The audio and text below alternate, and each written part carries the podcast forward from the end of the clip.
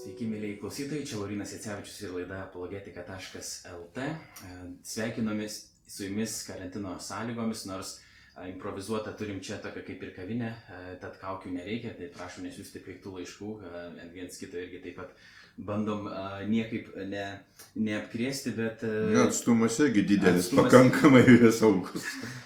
Tai viskas yra tvarkoj. Šito atžvilgiu šiaip profesorius Vytautas Ališauskas, kuris yra šiandienos svečias, jau yra buvęs vieną kartą laidoje. Sveiki, gyvisi. Sveiki Vytautai. Ir ta laida tada buvo e, žymiai netgi labiau apgrūsta, kadangi turėjau tris pašnekovus - Ginterą Sungailą, tuometinį ortodoksų diakoną. Ir Mindaugas Sabutį, Liuteronų vyskupą, ir taip pat jūs ir diskutavom apie popiežystę. Tai jeigu jums yra įdomu na, toks klausimas ir norite išgirsti daugiau profesoriaus pasisakymų jau šiek tiek kita tema, kadangi šiandien aptarinėsim pirmuosius e, krikščionis, nes apologetika.lt yra laida skirta tikriems klausimams ir juos ieškoti tikrų atsakymų siekiam bei kurti erdvę civilizuotoms diskusijoms. Tai labai dėkoju, kad sutikot paskirti šiandien laiko. Klausimas man yra labai įdomus, aišku, tų klausimų bus konkrečių ir saliginai daug, bet apskritai tas pirmųjų krikščionių gyvenimas neretam e, iš tikrųjų yra labai nepažįstamas krikščioniui. Kai kurie sako, man užtenka vien tik tais e, šventojo rašto, ten yra viskas parašyta, aš viską matau, viską žinau. A, Kai kurie sako, egzistuoja dar tradicija, kurią mes turim atsižvelgti ir iš ten dar turim tam tikrų žinių.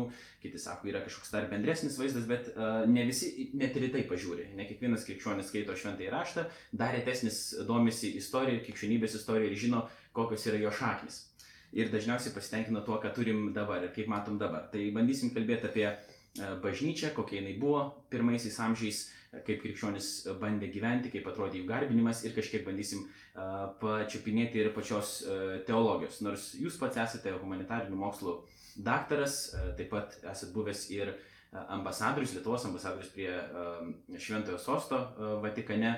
Čia tiesiog sakau tos titulus tam, kad žmonės žinotų irgi su kuo turi reikalą, jeigu kai kurie mm, jūsų nepažįsta. E, Tai, sakykime, jau turim tokį asmenį čia, e, kuris turi ką pasakyti e, būtent šitą temą. Tai prieš pereinant prie visų šitų mano minėtų klausimų, man būtų įdomu sužinoti, kaip jūs iš vis susidomėjot krikščionybės arba ankstyvąją krikščionybę, vadinkim tai.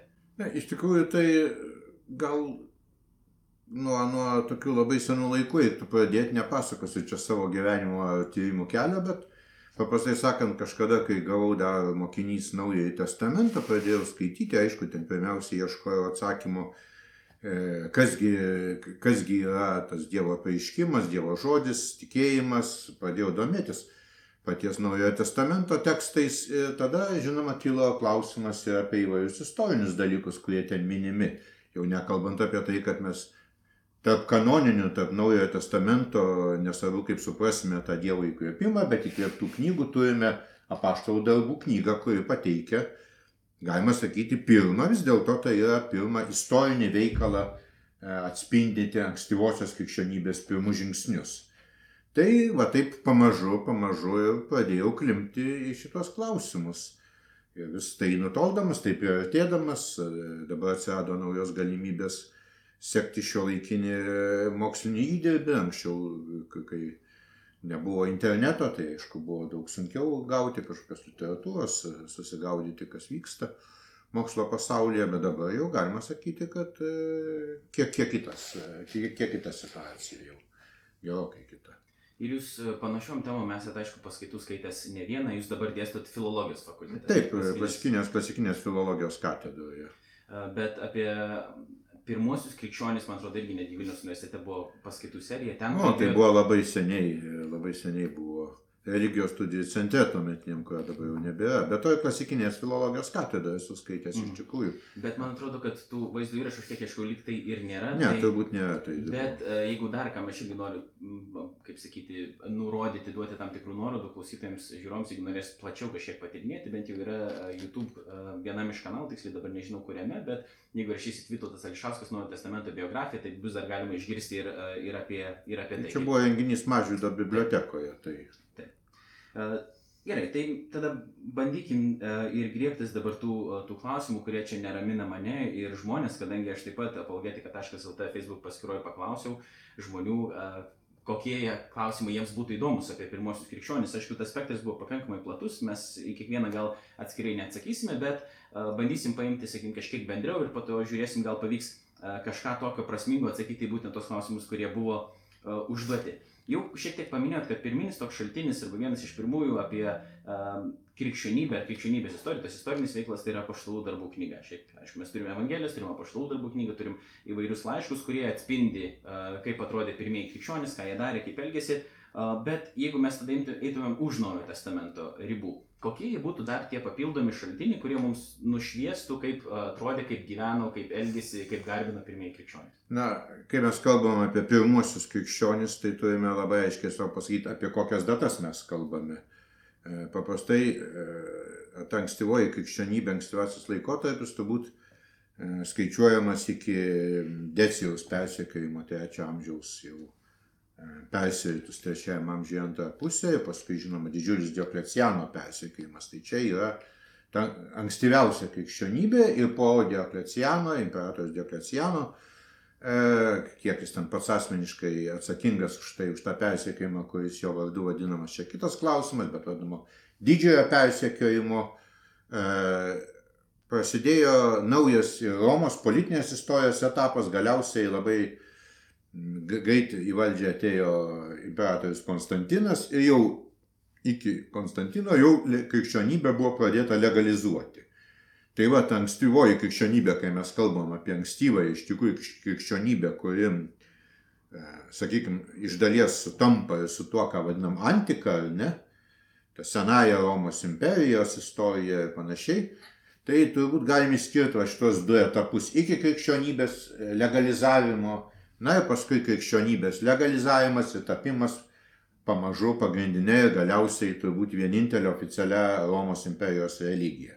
Tai va šitie du skirtingi etapai yra iš tikrųjų, aiškiai, ženklina visiškai kitą bažnyčios savimonę veiklą, be abejo labai svarbus santykis su politinė bendruomenė. Tai šiuo atveju, jeigu kalbame apie pirmo, trečio amžiaus krikščionybę, vienas dalykas, jeigu kalbam apie tą pačią pirminę pirmojo amžiaus krikščionybę yra kitas dalykas.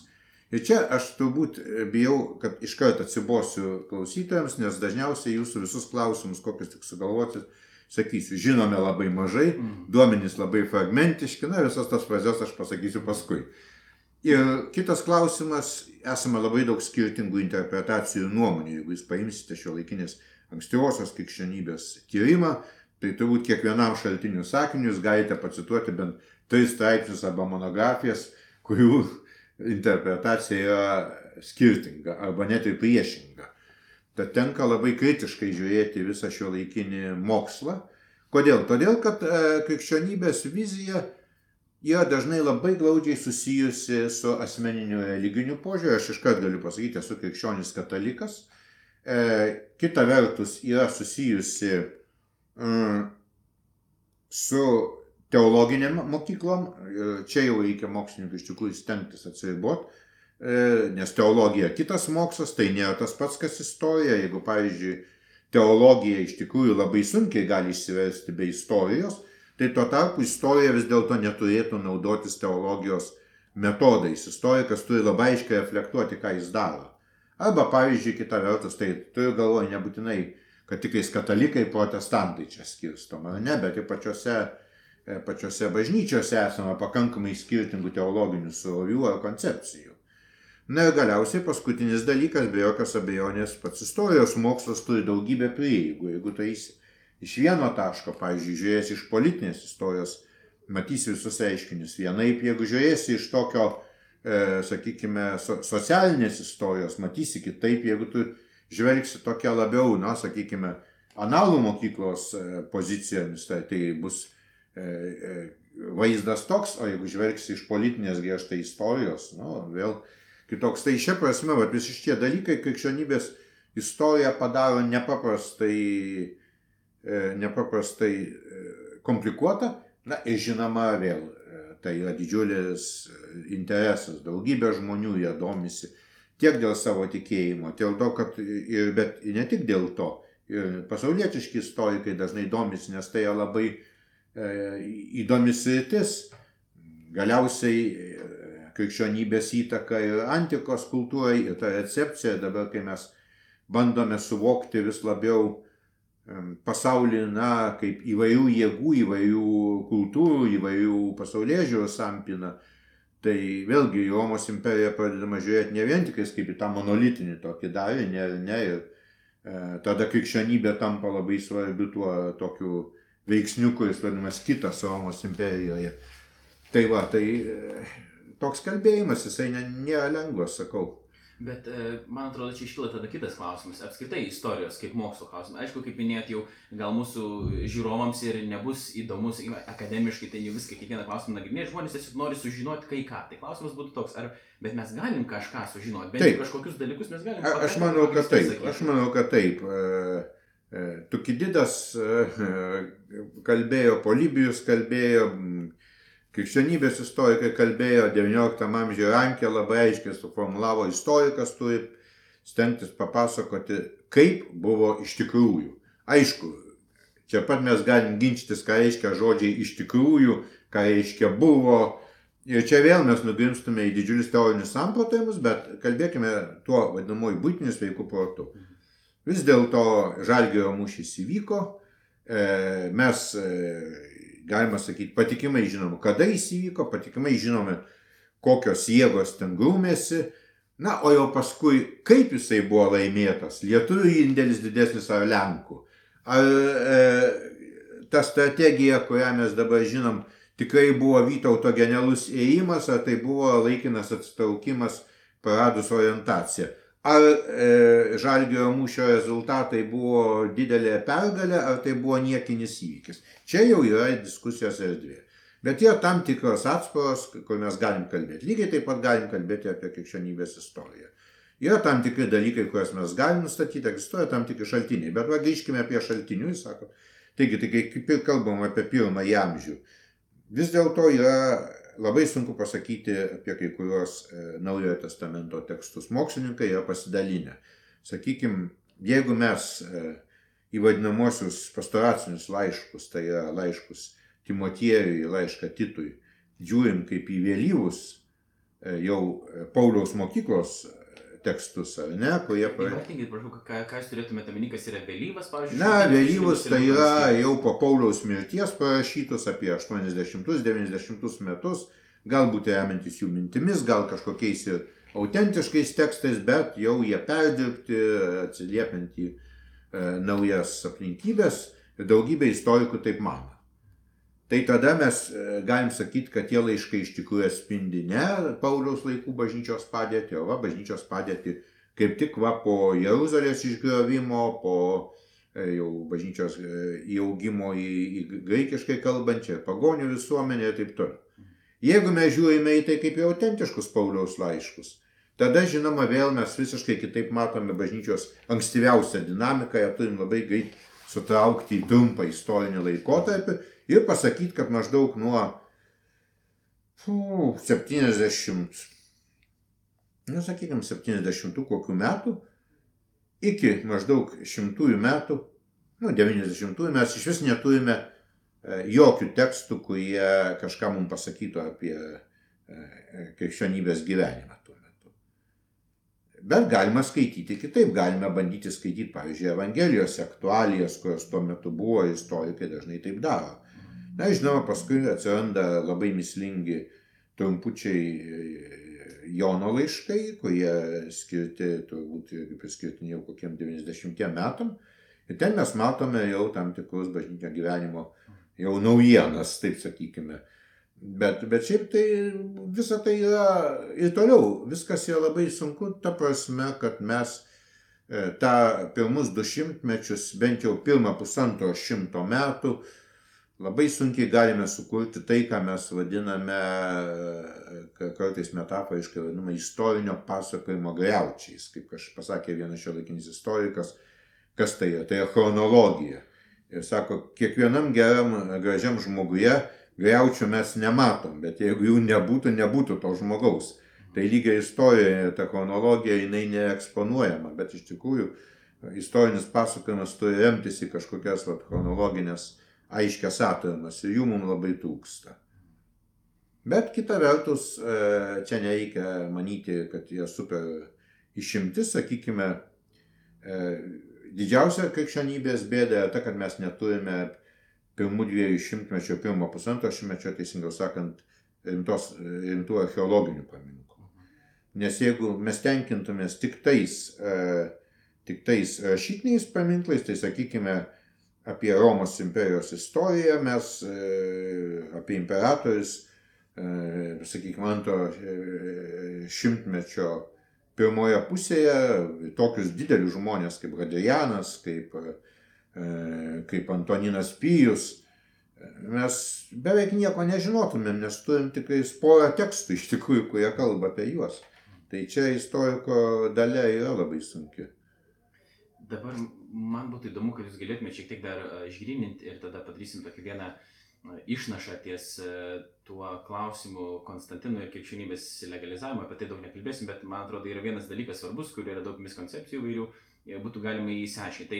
Tai e, dabar jūs, kai kalbėjote apie e, Naujo Testamento šaltinių irgi problematiką ir kad skaitant vienaip galima vienokių išvadų prieiti, skaitant kitaip galima kitokių išvadų prieiti, bet uh, dabar paprastas žmogus, paprastas krikščionis, jis toks pat kaip aš irgi. Ne, paėmęs Naują Testamentą, aš darau Čia jau nekalbant dar apie tai, kad aš laikau, aišku, Bibliją Dievo įkvėptų žodžiu, bet dar nekalbant teologiškai, bet sakykim, kad tai yra Naujas testamentas pakankamai patikimi istoriniai šaltiniai, aišku, su savo problematika, kaip ir visa istorija, bet ten, pavyzdžiui, kai aš skaitau laišką Galatams ar mm -hmm. laišką dar kažkam, uh, ir yra tam tikros aktualios adresuojamos. Tai mes galim daryti tada tokį kad tokie Taip. dalykai vyko. Tai be abejonės, be abejonės. Tai jie grupė Pauliaus laiškų, kurie labai aiškiai patikimi ir visiškai. -hmm. Tik vėl mums, e, kaip, jų religinę žinę, jų dvasinę žinę, E, mes galim suprasti, na, gan lengvai, kita vertus, jeigu mes esam tikinti žmonės, mes turim savo bendruomenę, iš kurios gaunam šventai raštą. Nes net jeigu einam į knygyną ir nusipirkam, iš tikrųjų tai netiesa, kad mes pirkom į knyginę. Mes įgauname iš savo tikinčiųjų bendruomenės, kuri turi savo interpretacijos tradiciją ir panašiai. Bet jeigu kalbam griežtai kaip apie istorinį dokumentą, nu, Vėl, reiškia, mums labai sunku sužinoti daugą, nes mes neturime kontekstų. Paulius rašo ir tik tais toks labai atidus, toks tiesiog e, jau ne šiaip mikroskopų optiniu, bet elektroniniu mikroskopu skaitimas mums leidžia pamatyti daugiau. Dėl to vėl, reiškia, kiekvienas, jeigu paimsim tą patį trumputį laišką Galatams, tai turbūt komentarų čia mes galėtumėm sukrauti va šitokią krūvą, aš nekalbu apie straipsnius, kiekvienas žodis, kiekviena frazė, kiekvienas kontekstas yra aptarti vien monografijų. Tai šia prasme tai vėlgi yra problemiška, bet kažką mes suvokti be abejo galim.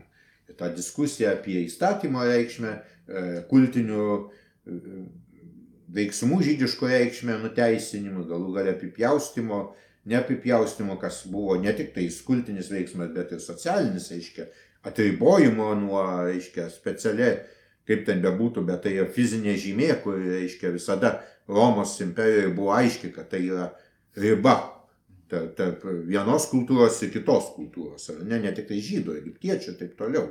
Iš kitos e, rytų kultūros ir čia mūsų romėniškai graikiškos kultūros. Ar ne, va visi šitie klausimai, jie aiškiai atpažįstami ir suvokiami. Tai čia to, to, to tai jau neįgalvoti, kad čia mes visiškai nieko nežinom, kitaip tie istorikai jau seniai būtų išvaryti ir nebegautų universitetuose algų. Ir mes tos laidos irgi nelabai. Tai jau tikrai, tikrai. Kalbėti tik apie tai, kad nieko nežinom, bet tai pakalbėsime apie tos dalykus. Čia, čia daugiau tiesiog... filosofų darbas pasakot, kai mes nieko nežinom. Iš dalies irgi, nors filosofija irgi, sakai, mokyklų yra skirtingų ir irgi vienas su, su kitu visiškai priešingai kalba. Taip, bet jie dažniausiai susitarė galiausiai, kad, ai, nusako. Aš aišku laikyčiausi tokios pozicijos, kad kažką galima žinoti irgi, bet nesvarbu, dabar filosofijos diskusijos šiandien pradėsim daryti. Taip. Bet uh, yra dalykų, ta, kaip jūs minėjot, kad uh, čia buvo gal svarbu šitoje pirmoje dalyje mums įsiaiškinti, kad yra tam tikra problematika, viskas nėra taip paprasta ir iš tikrųjų netgi reikėtų saugotis tokio pernelyg ar perdėm tokio užtikrinto kalbėjimo. Sakė, ir savo taip, vaizduotę reikia labai kontroliuoti, nes net mokslininkai kartais pasiduoda vaizduotėjai ir sukuria dalykus, kurių nėra šaltiniuose ir ne tik nėra šaltiniuose, bet net, na, dedukciškai negali pagrysti, bet, nu, kažkas jiems užkliūna, gražu, patinka ir pradeda kurti ir kas paskui vyksta.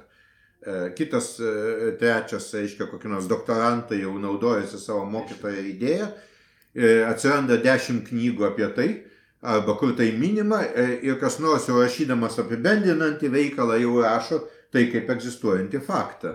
Nors... Čia, ar nebūtų pavyzdys, čia toks dabar, nežinau, 18-19 amžiuje, kai krikščionybė buvo labai stipriai kritikuojama, buvo asmenų, dabar neatsimenu pavardės, bet buvo vienas žymus, aš manau, lyg ir vokietis, kuris, uh, sakykime, bandė parodyti, kad krikščionybė akivaizdžiai skolinosi iš visokių pagonių. O taip, tai čia buvo visa ir... mokykla didžiulė, prancūzų, reiškia. Taip Buvo ta mokykla taip, didžiulė mokykla. Ir po to tai tapo, vas, žmonės perkartojo, tai lygiai tai būtų taip, faktai, nors pažiūrėjom pačioje pradžioje pagrindimo jo taip, taip, ir svarbiausia, kas juokingai vyko toliau, reiškia, religijos istorikai, kurie visiškai nieko ne, neturėjo jokių religinių intencijų krikščioniškų, bet visą tai perėmė kaip įrodytus dalykus, tai pateko į vadovėlius ir paskui, reiškia, ir, ir negana to, tas iškreiptas e, dievybė arba kultų vaizdinys, kuris atsirado e, toje kritikoje krikščionybės, atėjo į antikos mokslą ir buvo traktuojamas jau kaip autentiškas tų dievybių pavaizdavimas.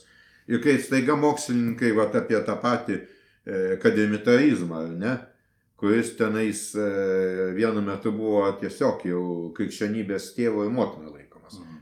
E, šiandien mokslininkai staiga su nuostaba konstatuoja.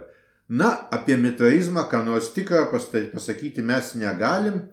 E, šitą žinome iš krikščioniškų autorių, kitaip sakant, mes paimam, kaip krikščioniški autoriai patys interpretavo mitraizmą ir tada pagal krikščioniškų autorių mitraizmo interpretavimą mes imam krikščionybę interpretuoti. Suprantate, mes atsidurėm uždarame rate ir, ką sakau, jokingiausia, paskui ilgą laiką tai visiškai nekritiškai patenka į mokslinį diskursą.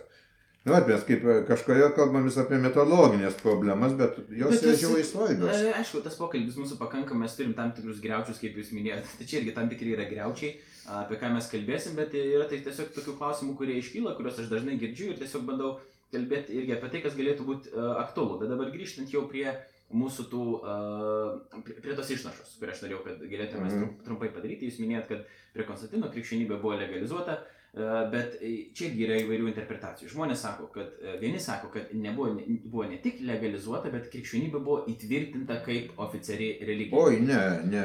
Tai taip, taip, taip greitai nebuvo. Šitą, šitą, čia būtų irgi labai ilga istorija, bet labai trumpai kalbant, tai ką padarė Konstantinas, tai jisai e, krikščionybę iš tikrųjų legalizavo ir pradėjo globoti. Ir jo ten atsivertimas vėl istorikų ginčio objektas, dabar istorikai vėl pradeda sakyti, kad vis dėlto Konstantinas, ko gero, tikrai nuoširdžiai jau tapo krikščionim paskui. Uh, iš pradžių tiesiog reikėjo kažką daryti. Ne vienas Konstantinas jau prieš jį Licinijus, kurį paskui e, Konstantino, kaip sakoma, apologetai vaizdavo kaip demoną, o iš tikrųjų jisai irgi legalizavo ir galų gale tas pats Dioklesianas ir, ir, ir didysis persekiotojas Galerijus jau prieš E, reiškia, Konstantino pabaigą, suprato vieną dalyką, reiškia, kai e, dekrete, kurio buvo nutrauktas didysis, didysis persekiojimas, tas kaip, kur buvo tikrai masinis krikščionių persekiojimas su bažnyčių griovimu, su švento rašto naikinimu ir taip toliau. Čia yra jau ketvirtojo amžiaus pati pradžia, tai yra pradėta trečio amžiaus pabaigoje, ten buvo keli etapai, bet pati pabaiga jau, kai galerijų supranta, kad čia jau nieko nebepadarysi, senukas sunkiai sergantis, reiškia, rašo, ir ką rašo, rašo, kad, reiškia, dekrete formuluotė tokia. Apskritai, aš taip paprastai žodžiais išsakysiu, apskritai imant, rezultatas liko toks, kad žmonės iš vis nustojo e, garbinti Dievą, tai geriau tegu krikščionys garbina savo Dievą negu jokio. Ta prasme, kad religija yra tuometinės visuomenės labai svarbus e, cementas, jos gyvenimo veiksnys ir galiausiai imperijoje pamatoma, kad e, naikinti krikščionybę tai reiškia tiesiog užsiimti jau pačią visuomenės destrukciją. Na ir va čia toliau eina šitie jau visa dinamika prasideda ir krikščionybė iki galo e, įsitvirtina labai labai lietai ir ilgai, mes žinom tą, reiškia, dar ginčius, nu, paskaitykime Augustino išpažinimus, kai jau krikščionybė tikrai yra oficiali. Bet tai Augustinas dar turi didelių tokių nedrasumų, elitas, kaip tenais jis vis tiek yra intelektualas, profesionalus retorius, profesorius, taip sakant, tiesiog nežodžio prasme. Va. Ir, ir ką, ką, ką vat, pasakys draugai, ir ten matome tą visą brūzdėjimą, kaip koks reiškia ten paieškas dvasinės jo paties gyvenime, manicheizmas, filosofijos, įvairios mokyklos ir apmąstymai. Ir sakau, bet tas socialinis laukas nėra toksai, kad krikščionys viską valdytų. Tik tai sakau, paskui, reiškia, kai įvyksta Afrikoje e, tas e, skilimas tarp donatistų, reiškia, tarp e, krikščionių, kurie buvo itin griežtai nusiteikę nepripažino atgailos tiem, kas per, per persekiojimus buvo atkritę, atsižadėję krikščionybės ir ten prisideda tada nauji dalykai dar. Ir valdžia pradeda, vyskupų prašoma, pradeda kištis į bažnyčios gyvenimą ir kištis labai paprastu būdu, kaip turbūt įsikišta ar Amerikoje, ar Lietuvoje, ar Vokietijoje. Tai yra spręsti klausimus, kam turi pristatyti, priklausyti kulto pastatai, ar šitai bendruomenė, ar šitai, nes negali sau leisti, kaip valdžia, kad bendruomenės ateitų su e, lasdomis ir muštųsi dėl tų pastatų, kaip pat Jeruzalėje kadaise turkai irgi turėjo įspręsti šitos klausimus. Nu tai čia va tik prasideda irgi tas labai stiprus, aiškiai, mąstymas, o kadangi vis tiek e, imperinė religija, nors jinai buvo pluralizmo labai daug, bet aiškiai, ta imperiniai kultai pagrindiniai buvo valstybės globoje. Ir tai yra imperatorius buvo Pontifex Maximus, didysis, e, kaip sako, tiltų statytojas, ar paprastai sakant, didysis kunigas, ne? Beje, tą pagonišką titulą Konstantinas išlaikė visą laiką, tik paskui popiežiai perėmė, kad kita prasme jau. Mhm. Tai va. Tai, tai, tai šitoj ne, ne, negalima taip supaprastinti. Sako, Konstantinas tai tik tais dalis, o paskui ilgai dar buvo kova, ko, kova, reiškia, jau krikščionybė visiškai globojama imperijos, bet senate dar stovi pergalės aukos, aiškia, kaip romėnų simbolis, bet ir valstybinis, žinoma, politinis, ne tik religinis. Senato eidami į posėdį įberia žiupsnelis milkalų kaip auka Romos, taip sakant, dievybei pergalės. Tai yra, sakau, dalykai, jeigu imsime, nėra tokio vat, momento, kai galim pasakyti, taip atsitinka Galiausiai tas krikščionybės įsigalėjimas, aišku, į Romos imperijos pabaigą tarsi įeina, bet jisai vis tiek nu, nėra tokio brūkšnio, kad va, čia įvyko ir viskas. Bet jeigu krikščionybė buvo legalizuota, mes galim taip sakyti, ne, e, nors ir, irgi, kaip minėjote, yra daug problematikos, Tai reiškia, prieš tai jinai buvo nelegali. Reikėtų tai bandyti suprasti. Taip, kokia buvo situacija tada tų pirmųjų krikščionių per pirmus tie, tie nelegalumai amžius. buvo labai įvairūs ir labai skirtingi skirtingose epochose. Iš pradžių krikščionybė apskritai, kaip žinome, mažai skiriama nuo žydų. Krikščionis atrodo kaip vidinis žydų reikalas čia. Ir šia prasme krikščionis naudojasi, galima sakyti, turbūt žydų privilegijomis. Reiškia, žydai turėjo nepaisant jų religijos išskirtinumo, o gal kaip tik dėl to, iškai jie turėjo tam tikras privilegijas imperijoje, tai yra nedalyvauti va tose viešose kulto aktuose, negarbinti imperatorius genijaus, neaukoti aukų už imperijos gerovę, nors jie aišku meldėsi irgi už, už savo imperiją, bet tai yra, reiškia, gyventi pagal savo papročius, laikytis maisto nuostatų ir visa kita. Šia prasme, reiškia, žydų religija buvo laikoma senovinė, o senoviškumas buvo garantija to, kad tu esi teisėtas. Čia ne praktiškai priešingai negu dabar, ne? Kuo daugiau, to geriau. Taip, o tada, vat, kaip tik atvirkščiai. Čia ateina, vat, kaip tik tais e, modernistai. Ateina krikščionys, kurie nauji ir švieži, bet kol kas jie neidentifikuojami ir visi konfliktai vyksta daugiau viduje. Ir kai skaitom vat, e, apaštalų darbus, mm Ten matom, kad ten įvyksta konfliktų su žydais, nes jie staiga pamato, kad sinagogoje ateina kažkokia naujas mokytojas, toks kaip Paulius, kuris skelbia, iki galo mes nežinome ką sinagogoje, bet aišku tai, kad skelbia kažką kitą, kas nebėra tos bendruomenės rėmose ir skelbia aišku Jėzaus atpirkimą. Ir va tas Jėzaus atpirkimas ne visiems patinka be jokios abejonės ir tada įvyksta konfliktų, pradedant tuo, kad tiesiog išvėjamas į sinagogas jisai ir tiek, kam, kam Paulius patinka, o kito, kad apskundžia miesto bendruomenėms.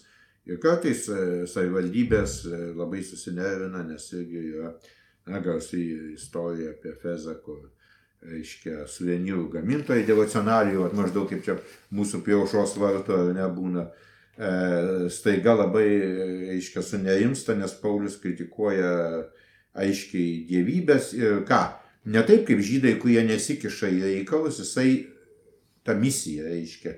Kuo skiriasi iš tikrųjų tas didelis toks reiškia nuo, nuo, nuo judaizmo. Judaizmas yra atviras, atviras ateinantiems pagonims, ar ne? Bet ne, nėra ekspansyvus. Nėra tokių žinių, kad va, žydas viską mestų. Žydas judaistas, tai gal ne krikščionis, viską mestų ir pasileistų per pasaulį skeldamas to vienintelio Dievo kultą ir sakydamas ateikite čia vienintelis jūsų išganimas. Jeigu pagonis atėjo viskas tvarkoje, yra jo statusas ir čia labai irgi įdomus dalykas, mokslas dabar labai plačiai yra tyrinėjęs tas, aiškia, monoteistinis mąstymas labai stiprėja antikiniai visuomeniai antram amžiui ir vėliau, ir pirmam amžiaus galėtas, aiškia, Kristus teos, aiškia, aukščiausias dievas, ne, tampa tokiu tarsi tokia stambia religinė figūra ir atsiranda netgi žmonių, kurie tik jį išpažįsta. Čia vėl klausimas, kiek jie susijęs su judaizmu, kiek ne. Bet faktas tas, kad, žodžiu, simpatizuojančių žydų religijai yra vis daugiau ir netgi iki pat mes turim žinių ir vieno imperatoriaus, kaip čia pasakyti, sugulovė. Paskui ir krikščionė atsiranda tokių, kurie nebūtinai tampa, sakykime, krikščionims, bet e, pradeda simpatizuoti krikščionims ir taip toliau. Tai va, tokių yra daug. E, bet sakau, tokios, aiškia, masinės misijos tai nėra. Nėra e, pranašo, kuris būtų pasakęs, eikite ir skelbkite mano žinią iki pasaulio pakraščių, taip kaip pasakė Jėzus, ar ne? Ir va čia va krikščionys yra ypatingi ir šia prasme jie gan greit pradeda išlysti iš žydiško konteksto ir matom, reiškia, Nerono gaisras Romas sukurtas, apie kurį Tacitas rašo, jau yra, jau yra žydus romėnai atskiria nuo krikščionių. Ir tai yra jau dešimtmetis, koks, reiškia, kaip čia dabar lietuviškai, kas septintas, ar ne dešimtmetis, tas vyksta toksai atskirimas. Po Jeruzalės išgriovimo 70-ais, kur jau čia tikrai dramatiškas įvykis, sunaikinama šventovė, kuri jau nebebūna atstatoma. Krikščionys nedalyvauja žydų rezistencijoje romėnams, e, ne visi žydai tam pritarė karui, bet, bet kokiu atveju tai didelis tautinis įsivadavimo karas, religinio, matome, irgi taip tas savotiškai, o krikščionys, aiškiai, atsiriboja nuo jo. Ir čia jau prasideda dar vienas toksai momentas. Na ir paskui, žinoma, E, imperijoje pradedama vis labiau suvokti, kad tai yra atskira grupė žmonių. Ir čia mes turim, bet tai, ką mes vadinam persekiojimais, jie yra dažniausiai lokalūs. Tai yra konfliktai miesto bendruomenės viduje. Ir mes turim tokių mm, paskui, vėl šaltiniai yra labai menki. Aiškiai, yra Plinijaus štai apie 110 metus laiškas e, imperatoriui Trajanui, E, Plinijaus jaunesniojo, lietuviškai jis yra išverstas Plinijaus laiškų, laiškų rinkinyje, kur jisai klausė įsė Bitinijos, tai ten mažoje Azijoje vietininkas ir klausė imperatorius, tai paprastai sakant, va aš čia dabar atėjau į naujas pareigas ką man dabar daryti yra krikščionių, kuriuos, aiškia, reikia bausti, kaip galima suprasti, jis gavo anoniminį raštą su krikščionių maždaug vardais Ir taip juos kaip ir baudžia. Dabar už ką baudžia, taip ir neaišku, bet yra vis tiek blogai. Krikščionys yra blogai. E, Plinijus mm, pasako vieną dalyką, kuris vėlgi labai keistai nuskamba, čia ilga šneka vėl būtų, bet krikščionis nenori pirkti ir dalyvauti, reiškia, prieigose, pirkti valgyti stabam paukotos mėsos, nors šiaip Paulius leidžia tai daryti. Bet jiems vis tiek bažnyčioje visą laiką diskusija dėl to yra. Čia, man atrodo, romiečiams 14 skyriui yra tas diskusija išplėtota. Tai ne tik, ten daugiau yra užuominų kitose tekstuose, bet išplėtota tai va. Ir, ir, ir vis tiek, reiškia, ne visi krikščionys yra nusteikę. O ir Paulius sako, nu jeigu jau žmonėms tai atrodo blogai, nu ne, nepirkim tos mėsos, nevalgykim. Bet kas įvyksta, reiškia nuostoliai. Šventyklos neturi pinigų, e, mėsininkų verslas. Ir jūs neįsivaizduojate, kiek buvo aukojama gyvulių. Ir neužmirškite, tie gyvuliai nebuvo sudeginami. Jie buvo suvalgomi, tai yra ritualinė puota. Bet tai aišku, nesunku vėl suprasti, kad tai tas pats, kas ir mūsų senovės kaime atlaidai buvo. Tai yra socialinis įvykis, tai yra politinis įvykis, tai yra bendruomenės bendravimo dalykas. Tai visa tai ir daugia ekonominis. Ir Čia... Moderniam žmogui čia yra sunku suprasti, tikriausiai, kad religija nebuvo atsieta nuo politinio, socialinio, ekonominio. E, nu, už tai aš sakiau, kad kas vat, šiek tiek žino tuos senų laikų atlaidus, nu maždaug įsivaizduoja, sueina visos šeimos, visas miestas, ta miestelis, kaimas, susirenka, atvažiuoja iš kitur, visi bendrauja, paskui eina prisigeria, ten susimuša, viskas labai linksma. Tai šitoks, va, šitoks va, pasaulio pasaulio matymas, jisai, na, iš tikrųjų šiandien iš vis bendruomenės santykis visai kitoks. Bet sakau, ir čia va, čia va krikščionys pasirodo bjaurų žmonės jau vien to, kad jie yra kitokie, visiškai kitokie. Ir ta visuomenės struktūra pasirodo, tų krikščionių jau buvo smarkiai daug. Ir Plinijus netgi pasako, kad įvairių luomų buvo, ne tik tais prastuomenė. Tai tada, jeigu mes pabandytum išsigryninti e, šiek tiek e, dabar paminėt, gerai, kad pirmai konfliktai buvo e, dėl, sakykime, irgi to judaistiškų šaknų, kaip, kaip ten kas turėtų vykti, kuo skiriasi krikščionis. Ne, galų gale kas sinagogoje bus. Taip. Kaip sinagoga iš vis veikia, sakykime, man irgi bus, tą klausimą aš iškelsiu šiek tiek vėliau, nes man jis yra įdomus, kaip pirmieji. Galite neklausti, beveik nieko nežinoma. Mes jį paliksim. Bet uh, pirmiausia, konfliktai daugiau vidiniai, po to jie yra lokalūs, su valdžia, dėl įvairių vatų priežasčių, kuriuos uh, minėjot. Uh, dabar kaip tie persikėjimai, tada jeigu mes galėtum šiek tiek trumpai ir užbaigsim tą persikėjimą tokią temą, uh, kada uh, prasidėjo tie didesni tokie persikėjimai? Trečio šimtmečio, sakykime, taip, irgi ten daug diskusijos, bet trečio šimtmečio viduje mm. kokiam. Ir tada, kai mes sakom persekiojimas iki tų masinių persekiojimų, tai ką mes turime omeny? Kas buvo, jiems kažko buvo neleidžiama, galvos kertamos? E, dažniausiai, reiškia kaip, e, keli dalykai. Pirmas dalykas, e, tai buvo spontaniškų persekiojimų, taip kaip paskui viduramžiais ar naujaisiais laikais buvo persekiojami žydai, pogromai, reiškia tiesiog. Nu, maža kas kyla kažkoks nepastenkinimas, socialinė įtampa, e, taip toliau. E, reiškia, ir žmonės e, metasi arba mušti krikščionis, kadangi valdžia labai nenori šito, tai tada valdžia pataikauja, nu, turi būti tvarka, negali leisti, kad pilietis, ar ne pilietis, bet tavo, aiškiai, valdinys muštų kitą valdinį. Tai tada jau valdžia įsikiša ir tam, kad nuramintų, ten keletą krikščionių nužudo nu, nubaudžia mirties bausme, reiškia, vėlgi, romėnų teisė labai lanksti, iš tikrųjų įstatymų, pagal kurias reiktų krikščionis baus mirties bausmė, nėra tokių aiškių kur nors. Bet teisė lanksti yra galimybė, reiškia, um, tai vadinama kognicija ekstraordiniam, supaprastinta tvarka, jeigu pareigūnas kompetentingas nustato ten skirtingose vietose skirtingai vadinasi, nustato, kad žmogus yra tikrai nusikaltęs, nu, tai galima jį nubausti. Čia ne civilinės, čia jam kriminalinis procesas. Romėnų civilinė teisė tai nepaprastai sudėtinga yra. Bet va čia tai taip. Ir, ir tada visokiausių. Kitas dalykas, aiškiai, yra tas, kad ir čia va jau grįžkim net į prie to paties Trajano laiško, kai kurie mokslininkai sako, kaip Trajanas ką atsako, beje labai charakteringa, tai aš sakau, e, antro amžiaus pradžia, ar ne? Imperatorius į klausimą savo pareigūną atsako, krikščionių ieškoti nereikia, jeigu jie jau atsiduria teisme, reikia pareikalauti, kad atsižadėtų, jeigu neatsižada bausti. Ir dar sako, o anoniminių skundų iš vis nereikia paaiškinti, nes tai netitinka mūsų laikų dvasios. Taip kaip šiandien apologetai sakė, o tai palaukit, tai jeigu krikščionis daro nusikaltimus, tai jų reikia ieškoti.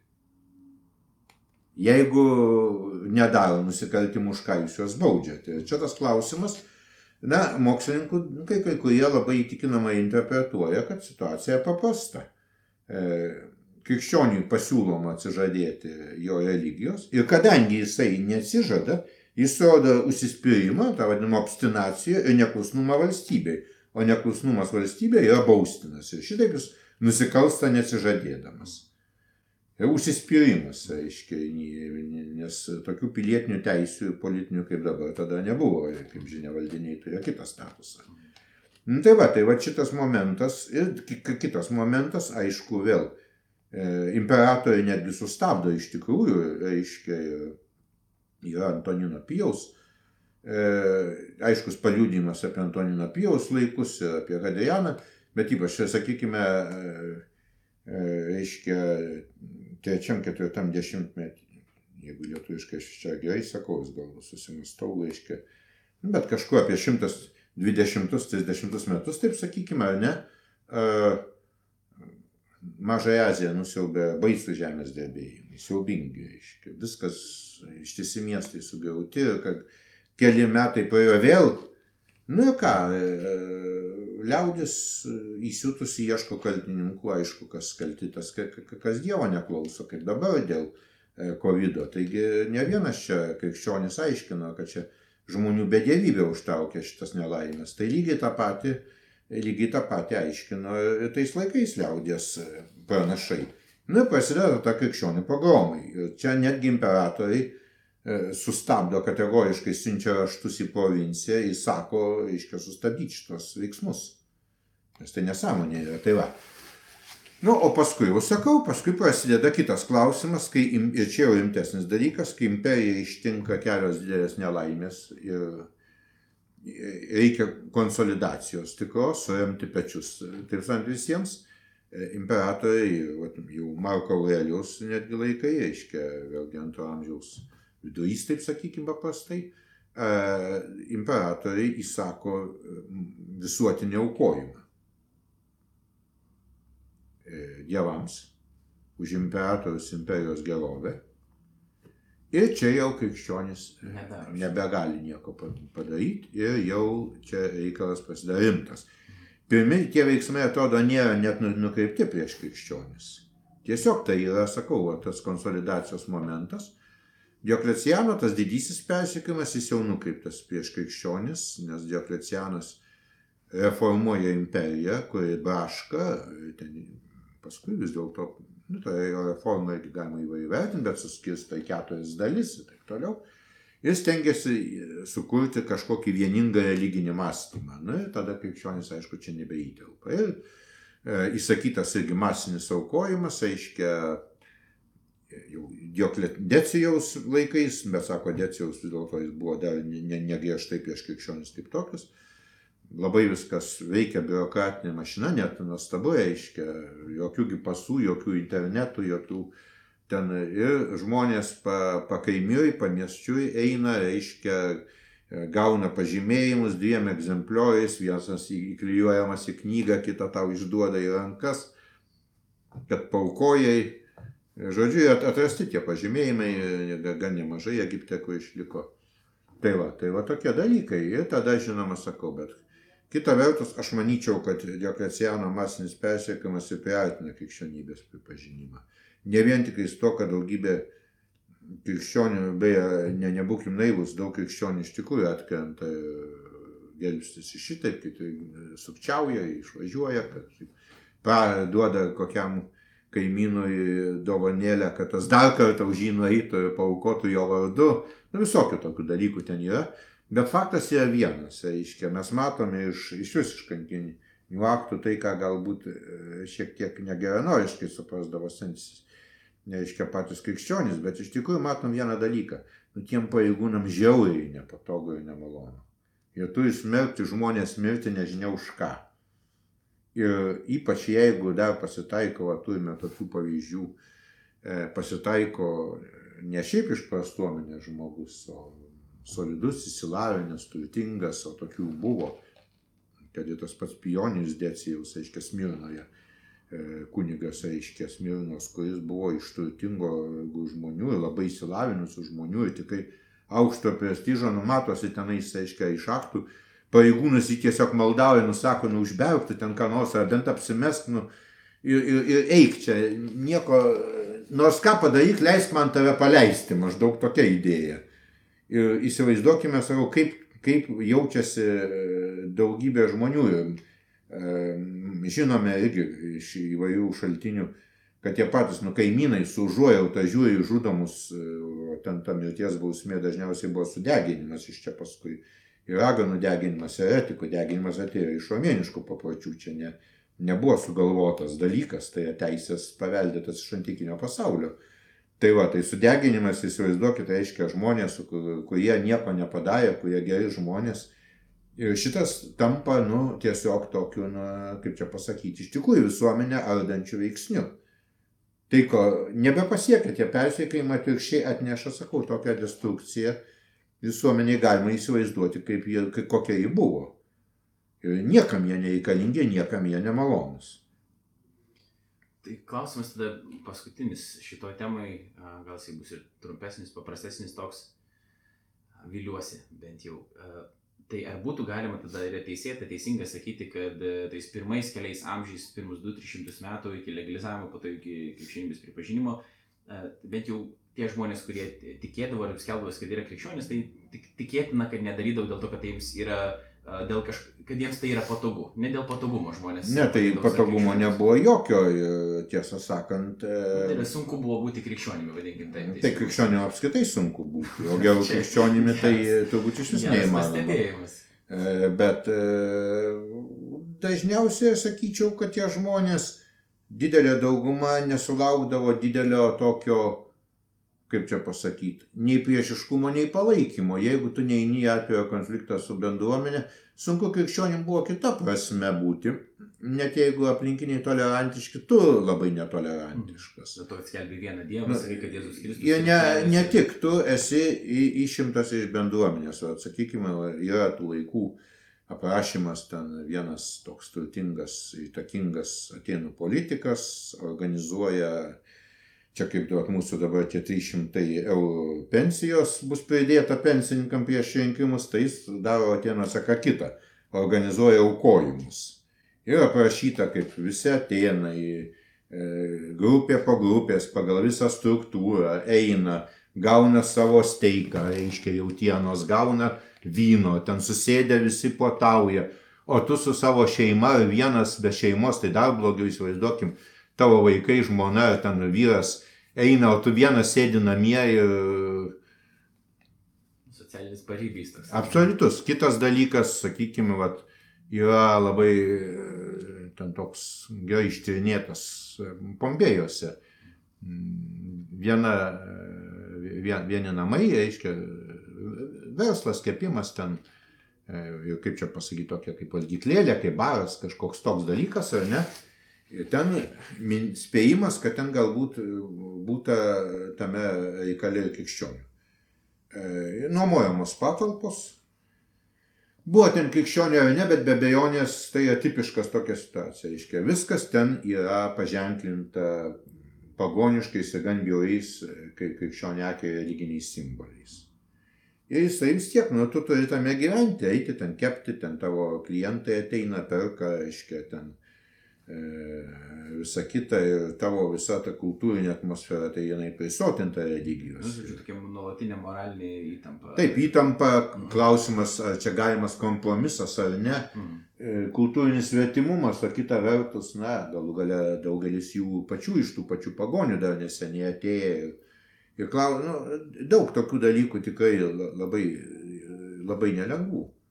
Ir bandykim tada judėti dabar daug, daugiau prie tų um, klausimų, kuriuos uždavė apologetika.lt e, siekėjai, bet e, tokį kaip pereinamą momentą, kadangi jūs pa, jau pažymėjot tai ir aš jau prieš tai norėjau šito klausti, tai yra um, to krikščionių tapatybės kaip atskiros nuo judaizmo formavimosi e, klausimas. Tai jeigu būtų galima šiek tiek tada pabandyti aptarti, tai kaip, kaip ir kada, kokiais būdais, sakykime, krikščionis bandė įtvirtinti savo kitokią tapatybę, nors krikščionybės šaknis yra judaizme, e, raštai yra, sakykime, medri Senojo testamento, bet vis dėlto krikščionis sako, ir čia tai jau kyla tie klausimai, kaip Galatams laiškė prašyti, reikia e, apipjaustyti tuos, kurie yra pagonis, ar nereikia, tada vyksta dideli konfliktai ir, panašiai. Taigi, kaip krikščionis bandė įtvirtinti savo tapatybę uh, kaip skirtingą ir tam tikrų būdų ir susijusią su, su judaizmu. Na tai va, čia vėlgi čia tai, kas vadinama parting the race, reiškia kažką vieną iš istorikų, tokio James Dano mestas pavadinimas, kuris kelių išsiskyrimas, kadagi išsiskyrė judaizmas ir krikščionybė, vėlgi istorikai labai nesutarė, iš pradžių buvo manoma, kad labai anksti, paskui manoma, kad vis dėlto ryšiai išliko labai ilgai e, ir vėlgi skirtingose, aišku, e, erdvėse buvo skirtingai, sakykime, e, Jeruzalės, Palestinos krikščionybė visada buvo labai žydiška, iki pat, iki pat, reiškia, Barkochbo sukilimo ir, vat, ir tada jau nebeliko žydiškos tos e, viskupų, kaip čia pasakyti, e, bažny, reiškia, sekos. Ir, ir šiaip jau Jeruzalės bažnyčiai labai ilgai, keliasdešimt metų vadovavo viešpaties giminaičiai, reiškia Jėzaus ten, reiškia, tai, kas Naujajame testamente vadinama broliais, ten vėlgi čia įsiptė apie visokios teologiniai svarstymai, bet aišku, kad tai yra artimoji šeima, ne ta, reiškia, didžiosios šeimos, bet čia tie, kas tiesioginiais giminystės ryšiais ir paskui vaikai, anukai, jų vadovauja Jeruzalės bažnyčiai. Tai čia yra labai toks irgi, netgi kai kurie istorikai vartoja tokį anachronistinį, bet nu, metaforinį pavadinimą, sako Jeruzalės kalifatas taip kaip, reiškia, Mahometo jau po, po kelių šimtų metų, taip sakant, Mahometo palikonis e, vadovavo, vadovavo pagrindinėms bendruomenėms, tai va, Jeruzalėje e, tai bažnyčiai vadovauja Jėzaus tiesioginiai giminaičiai. Ten labai įdomi istorija, žinoma, e, ten jau nemažai knygų apie tai. Tai, tai tas va toksai neįsiskyrimas, įsiskyrimas, jis labai neaiškus. Yra ir Talmudė matom tokių užuominų, kurios irgi tik užuominos yra. Bet kaip nu, patys žydai nelabai žinojo iki kokios ribos tie krikščionys žydų kilmės jau nebe judaistai ir mm. svetimieji. Ir tas toks justi, kad pirmam šimtmetį ta diskusija dar vyko. Bet kita vertus, tas pagoniška krikščionybė, jinai da, labai dažnai labai, kaip čia pasakyti, dažnai yra galbūt iš tų, kas buvo judaizmo adeptai, bet pagonys neįėję į judaizmą iki galo ir atradę krikščionybę dažnai yra nepaprastai aštrus, pikti ir tiesą sakant kartais net iškreiptai vaizduojantis judaizmą kaip prakeiksmo tokį šaltinį. Vėlgi matom tokią aštrę konkurencinę kovą čia Kas vėlgi rodo, kad išsiskyrimas nėra toksai jau didelis. Kad krikščionis, kai kurie krikščionis aiškiai matome, reiškia antrojo šimtmečio pradžioj, galų gale, e, reiškia, tas garsusis ginčas dėl Velykų šventimo, jis aišku, kad jau krikščionis tikrai atsiskyrė, bet dar vis tiek yra didžiulė grupė krikščionių, kurie švenčia Velykas pagal žydų kalendorių, apeliuodami tai, kad reikia švęsti istorinę Kristaus nukryžiavimo dieną ir prisikelimo. Tuo tarpu, reiškia, visa vakarų bažnyčia jau švenčia kitaip, sekmadienį sutapatina su viešpaties diena, kuri irgi prisikelimo diena labai, reiškia, anksti pirmą savaitės dieną, reiškia, po šabo jau. E, tai va, tai tas kelias, sakau, yra labai ilgas, taip kad trumpai neišėjo atsakyti, bet bet kokiu atveju e, tie didieji, ir sakau, ir vėl, šitas klausimas turi kelis aspektus. Vienas aspektas - kada krikščionys žydų akimis nustojo būti žydais, kada žydai krikščionių akimis ir kokioj geografiniai erdvėjai e, nustojo būti, kaip čia pasakyti, tikėjimo broliais e, ir kada imperijos akise krikščionys tapo krikščionimis masiškai, o ne žydų sekta. Tai va, bet bet kokiu atveju iki pirmo amžiaus galo tie dalykai labai komplikuoti. Ir, ir tai mes matome irgi taip pat ir Naujame testamente tos klausimus. O taip, tai. E, dar po to irgi e, Didache, e, jeigu aš teisingai kirčiuoju, ne, tai kad ten buvo irgi paštališkasis toks kaip mokymas išrašytas, kur net buvo klausimų ir, ir priimti į Naujo testamento kanoną ar ne, bet liktai kiek aš supratau, trumpas tekstas galima greitai perskaityti, yra mhm. išverstas į lietuvių kalbą, angliškai, kaip tik norit Ir, ir ten tokia liktai bandoma įtvirtinti kažkuria prasme tą krikščionių tapatybę atsitai nuo žydų, nors tas tekstas irgi sunkiai datuojamas. Bet jis nėra, jo, sunkiai datuojamas, bet jis nėra toksai antijudaistinis. Mm. Pavyzdžiui, ten tiesiog bandoma išaiškinti kažkaip ką. Barnabo, Barnabo laiškas jau ten jau yra atvirai antijudaistinis, labai agresyviai antijudaistinis, nors kita vertus nepaprastai daug suleidė šaknis į Senąjį testamentą ir va čia matom tokias, va, vis, visą laiką šitie dalykai labai komplikuoti yra. Tai gal mums čia yra dabar kaip ir mm, nebloga proga pereiti prie tų klausimų, kuriuos uh, uždavė uh, apologetika.lt sekėjai ir vienas iš tų yra susijęs su tuo žydiškumu uh, ir, ir, ir, ir krikščioniškumu žmonių, tai vienas iš jų yra kalbantis apie įstatymą. Ir, ir klausimas yra daugmaž toks, kad tai kodėl, pavyzdžiui, dabar mes kaip krikščionis laikomės tam tikrų dalykų iš Senojo testamento, ne, pavyzdžiui, dešimt Dievo įsakymų mums yra svarbus, dar kažkas, bet uh, mes tam tikrų, tiksliau, didžiosios dalies įstatymo ar įsakymo mes tiesiog nesilaikom. Tai iš kur dabar žinoti, kuriuos čia reikia, kurių reikia laikytis, kurių nereikia laikytis, kas čia nusprendžia, kaip, kaip visa šita problematika tada. Čia tai klausimas teologinis, aišku, bet jeigu pabandysim truputį iš istorinės perspektyvos pažiūrėti, nu, tai nebejotinai Jėzus aiškiai yra pasakęs e, apie du dalykus. Tai apie dešimties Dievo įstatymų laikymasi, nors jeigu jūs paimsite katalikiškus katekizmus, niekur jų nerasite, taip kaip jie Senajame testamente, jie seniai performuluoti ir perdėlioti pagal kitokius laikus, bet idėja ta pati. Ir dešimt Dievo įstatymų, ir patys žydai tai matė, yra įstatymai, kurie, kaip Paulius sakytų, įrašyti žmogaus prigimtyje. Tai nėra įstatymai, kurie yra grinai kultiniai. E, va. E, kitas dalykas tai yra mm, kultiniai žydų įstatymai. Paulius e, suformuluoja tezę, kad iš tikrųjų Jėzus mus savo mirtim ir prisikelimu išvadavo iš įstatymo vergovės. Tai yra labai sunkus klausimas, ką tai reiškia religijotinių požiūrių, bet pažiūrėkime į na dabar paminėsiu kokią nors religiją, būsiu apkaltintas politiškai nekorektiškai kalbas, pažiūrėkime kokias nors kitas religijas, kurios čia gal egzistuoja šalia mūsų, ne tik judaistinės. Ir ten irgi nepaprastai daug draudimų, įsakymų, nurodymų nevalgyti tai jautienos, tai ten daro kažko, tai keulienos, tai neimti, reiškia, ne, nedėvėti odinių batų, tai nevalgyti grybų, tai, reiškia, ne, nebendrauk su netikinčiaisiais, arba jeigu bendrauji, ten juokauji, tris kartus nusispjaut per kairį petį. Visą tai, reiškia, ta religija tradicinė, ta iki krikščioniška, iki Jėzaus e, atpirkimo, tas žmogaus santykis su Dievu buvo vis dėlto labai smarkiai e, e, įtalpintas ritualinių nuostatų. Ir čia sakau, religiotinė problema, teologinė problema, istorinė irgi. Bet taip labai trumpai. Ir iš tikrųjų Paulius sako, ne, Jėzus e, padarė niekiniais visus šitos įstatymus. Ir tai, vat, ką, ką, ką, ką, Jėzus e, sako e, jaunuoliui, mylėk Dievą ir savo artimą. Ne? Šičia yra įstatymas pranašai ir viskas. Tai yra visa ko santaruka, beje, kai kurie žydų rabinai, jų truputį vėliau, jau irgi bando sakyti tą patį, bet dėl to Jeruzalės šventyklos išgėrimas, paskui Kiti sukilimai, žydų autentiškumo išsaugojimas, e, nu, pasuka kita kryptim.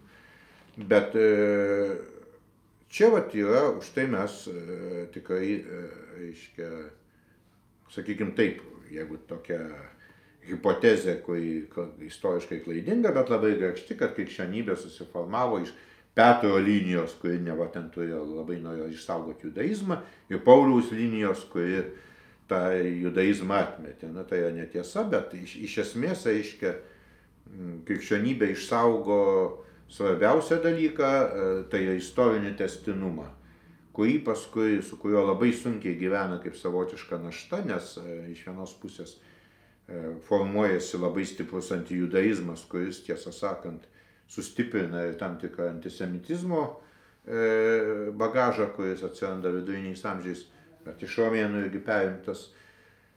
Iš kitos pusės, reiškia, krikščionybė vis dėlto priima visą, visą Senąjį testamentą ir kalba apie save kaip apie Abraomo vaikus.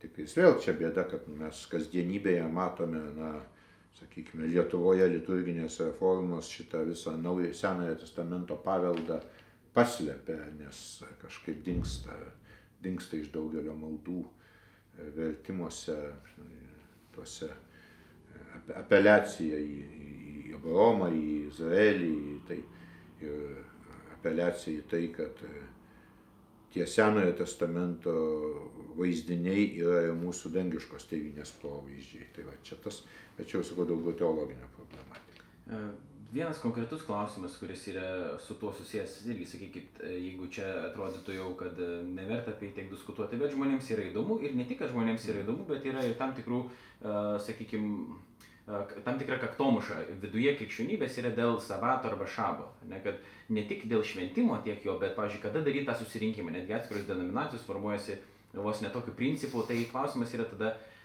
istorinių požiūrių žiūrint, nebūtinai teologinių. Kada ir, ir kodėl, jeigu mes bandysim atsakyti, tai jau bus teologija tikriausiai. Kada ir kodėl yra pereinama tada nuo to šabo tokio šventimo mm. arba į krikščionį pradeda rinktis sekmadieniais? Nu, tiksliau būtų sakyti pirmąją savaitės dieną, nes kai sakom taip. sekmadieniais, tai taip, išeina kvailai. Taip, taip, tai va, e, iš tikrųjų labai greit. Iškia, mes turim labai mažai duomenų, bet iš visko sprendžiant, e, šalia šabo šventimo tie pirmieji žydai krikščionys jau, jau renkasi ir švenčia, švenčia pirmą savaitės dieną Kristaus prisikėlimą.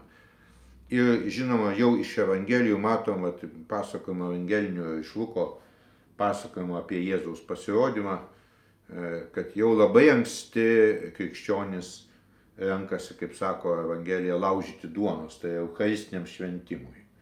Ten kaip Euharistija buvo suprantama, mes čia neturime išplėtotos tokios savokų teologijos, kaip paskui bažnyčia, katalikų bažnyčia suformulavo šiek tiek vienaip, paskui reformacija, e, vėlgi kalvinistai vienaip, liuteronai kitaip, polemizuodami su katalikais, galų galia atėjo tos denominacijos, kurios labai radikalios ir ten, aš nelabai žinau, ką jos sako, bet man atrodo, kad atmeta visą tą liuteronišką sampratą jau. Tai ta, ta koncept, jeigu galima taip sakyti, tos evangelinės tokios e, bendruomenės, e, pavyzdžiui, kaip būtų baptistinio -hmm. polinkio, tai daugiausiai laiko tai kaip tiesiog kaip simbolį, kad tai yra simbolis prisiminti. Na taip, bet tai vėlgi, kai ateini ir paklausio, kas yra simbolis, pasidaro labai sunku atsakyti.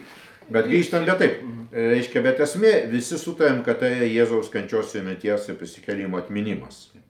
Ir šitas atminimas Tik tiek aš norėjau pasakyti, kad paskui istoriškai, reiškia, atsiranda visa ta terminologija, kuri labai išgrynina ir patikslina. Ir katalikas, e, teologas žino, ką jisai sako, kaip kalba apie transubstanciaciją, apie e, duonos ir vyno pavydalus, ir liuteronas irgi žino ir gali ten atsikirsti, kad o čia tas yra taip, o tas kitaip. Šito viso ankstyvojo krikščionybėje nėra. Bet yra esminis dalykas, tai yra, aišku, irgi du skirtingi tokie momentai, bet, reiškia, Jono Evangelijoje labai stipriai akcentuojamas mano, reiškia, e, reiškia, Kristaus kūno ir kraujo valgymas ir gėrimas ir kitokio šokiruojančio, ten mes žinom tą epizodą, kai reiškia, visi pasimeta, kai Jėzus pradeda tos dalykus kalbėti ir čia, aišku, vėlgi hermeneutinė problema, ką jis čia sako, bet esmė, esmė yra ta, kad, sakau, krikščionių bendruomenės labai anksti ir aiškiai supranta, kad tai yra Jėzus kančios ir prisikėlimo šventimas. Ir jis turi būti sekmadienį. Taip, jisai vyksta būtent taip, nes tai yra prisikėlimo diena. Ir ten aišku, paskui vėl skirtingose geografiniuose regionuose, rytą, naktį, kaip iš vakaro, e, labai daug čia susipina ir mes mažai labai žinom, vėl čia yra įsivaizduoti, kad mes žinom kažin ką Bet jau paskui, reiškia, bet sakau, aš jau esu tikras, kad pirmame šimtmetyje e, šabas tikrai nešvenčiamas e, tų krikščionių, kurie nelaiko savęs įsipareigoję žydiškai tradicijai, o net ir krikščionys, kurie laikosi galbūt šabo, ta prasme, nuostatų, nedirba visą kitą, tikrai nebūtinai švenčia šabą taip kaip žydai, ta prasme, galbūt tiesiog nedirba šabo dieną Nors, kaip aš jokai sakau, jeigu žydui, tikinčiam žydui yra problema švesti e, krikščionių Velykas, tai krikščionių žydų Velykas švesti nėra jokios problemos. Mes galėtumėm drąsiai jas minėti, valgyti e, vakarienę draugę su judaizmo išpažinėjais. Čia, ne, čia būtent tas istorinis toks momentas. Tai va, bet šiaip jau krikščionybės iš tikrųjų sekmadienis tai yra, yra tikroji diena ir jau, jau sakau, ne, ne, neturim jokio pagrindo manyti, kad e, šabas buvo pagrindinė. Mhm. Ir jau, aš manau, bent e, čia, aišku, vėlgi galėtumėm e, kokį keletą šimtų ar tūkstančių puslapių rasti, bet manau, kad ir Jeruzalės krikščionys minėjo pirmą savaitės dieną. Dar klausimas tada su to susijęs e, yra toks, mes nežinau, kiek turim duomenų šitoje vietoje. Naujajame testamente yra parašyta šiek tiek, bet e, netaip atvirai apie tai, kaip atrodė tas viešpatės vakarienė šventimas, ar duonos laužimas, ar Euharistija, pavyzdžiui, laiškė korintiečiams, e, nežinau dabar tiksliai kuriam pirmam antram, bet e, Paulius adresuoja tą problemą, kad jūs ateinat, prisigerėt e, prie viešpatės to stalo, tai reiškia to... Čia vėl yra, yra nu, vat, čia bėda yra ta, kad, nu kaip, pirmas dalykas, viskas čia labai šviežia, antras geografiškai labai pasklydę, reiškia, yra vis tiek bendruomenės viską priima pagal savo kultūrinius papročius. Tai jūs turėtumėte omeny, kad e, gali būti, kad skirtingos krikščionėmis bendruomenės skirtingose vietose galėjo, pažiūrėjau, ateini į vieną bendruomenę, vienaip švenčia, kitoje bendruomenėje. Na, tas vienaip, kitaip jisai yra, nu kaip, tam tikri elementai visada yra, bet, nu, reiškia... Vynas, pavyzdžiui. Taip, taip, taip, va, už tai. Ne vandenį gerite. Būtent, būtent. Tik paskui atsiranda tokių, kurie vyną laiko blogiu ir liepia gerti vandenį. Čia jokių politinių insinuacijų nėra, nėra šitame pasakymė. Bet buvo tokia sekta, kuri griežtai reikalavo atsisakyti vyno e, mišiuose. Jeigu taip pasakius liaudiškai, ne? E, o šiaip jau, kaip, na, mes neturime tokios, aiškia, surašytos tvarkos, ar ne? Surašytos tvarkos aš nesu tikras, kad Paulius palikdavo savo bendruomenėms e, kažkokį, reiškia, apieigyną. Ne? Bet kita vertus neužmirškime, kad e, buvo tam tikra bendruomenė, pirma Jeruzalės, iš kurios klydo. E, Paulius daug kur atėjo, pavyzdžiui, kai Paulius atvažiavo į Romą, ten jau buvo susiformavusi didžiulė krikščionių bendruomenė ar netgi bendruomenės kelios, nes tai buvo milijoninis miestas. Ir čia nereikia įsivaizduoti, kad vienas Paulius paskelbė krikščionybę. Krikščionybę skleidė e, dešimtys e, žmonių, kurių gal net ir vardai tik tais, va, Paulius laiškė susišmėkščiojo, o kartais net vien daug gal net ir nežinom, vyrų ir moterų ir čia, čia vėl. Bet kitas dalykas, tai ta bendra struktūra, aišku, daug kas mato, aš ne specialistas čia liturgikos, bet daug kas mato, kad iš didakės, iš kitų užuominų, kad tam tikra, reiškia, sinagogos struktūra išlikusi. Ir kas aišku viena, kad, reiškia, įeina į šitą šventimą, kai atsiranda, jau įsikristalizuoja, aišku, e, rašto skaitimas, pirmame šimtmetyje tikrai. O gal net ir anksčiau. E, antrame šimtmetyje, noriu pasakyti, bet gal net ir anksčiau, gal net pirmo šimtmečio pabaigoje jau vietinė, ką tai reiškia, kaip jie supranta tai, bet jau Evangelijos yra skaitomas tikriausiai. O kad Senojo testamento pranašai skaitomi, tai nuo pat pradžių, čia šimta, jau tikrai yra nebejotinas dalykas ir, ir pranašų skaitimas yra kaip to liturginio susirinkimo dalis tikrai gausus skaitimas, ne taip kaip dabar, nes žmonės nėra tiek raštingi, o kas raštingi net vis tiek neturi knygų, nes tai žiauriai brangu ir, ir klausosi, klausosi skaitimo ir paskui jau e, apie antrojo amžiaus vidurį, kai turim tokį išsamesnį vat, e, šventojo Justino kankinio paliūdėjimą, tai jis aiškiai duoda suprasti, kad skaitoma daug ir ilgai.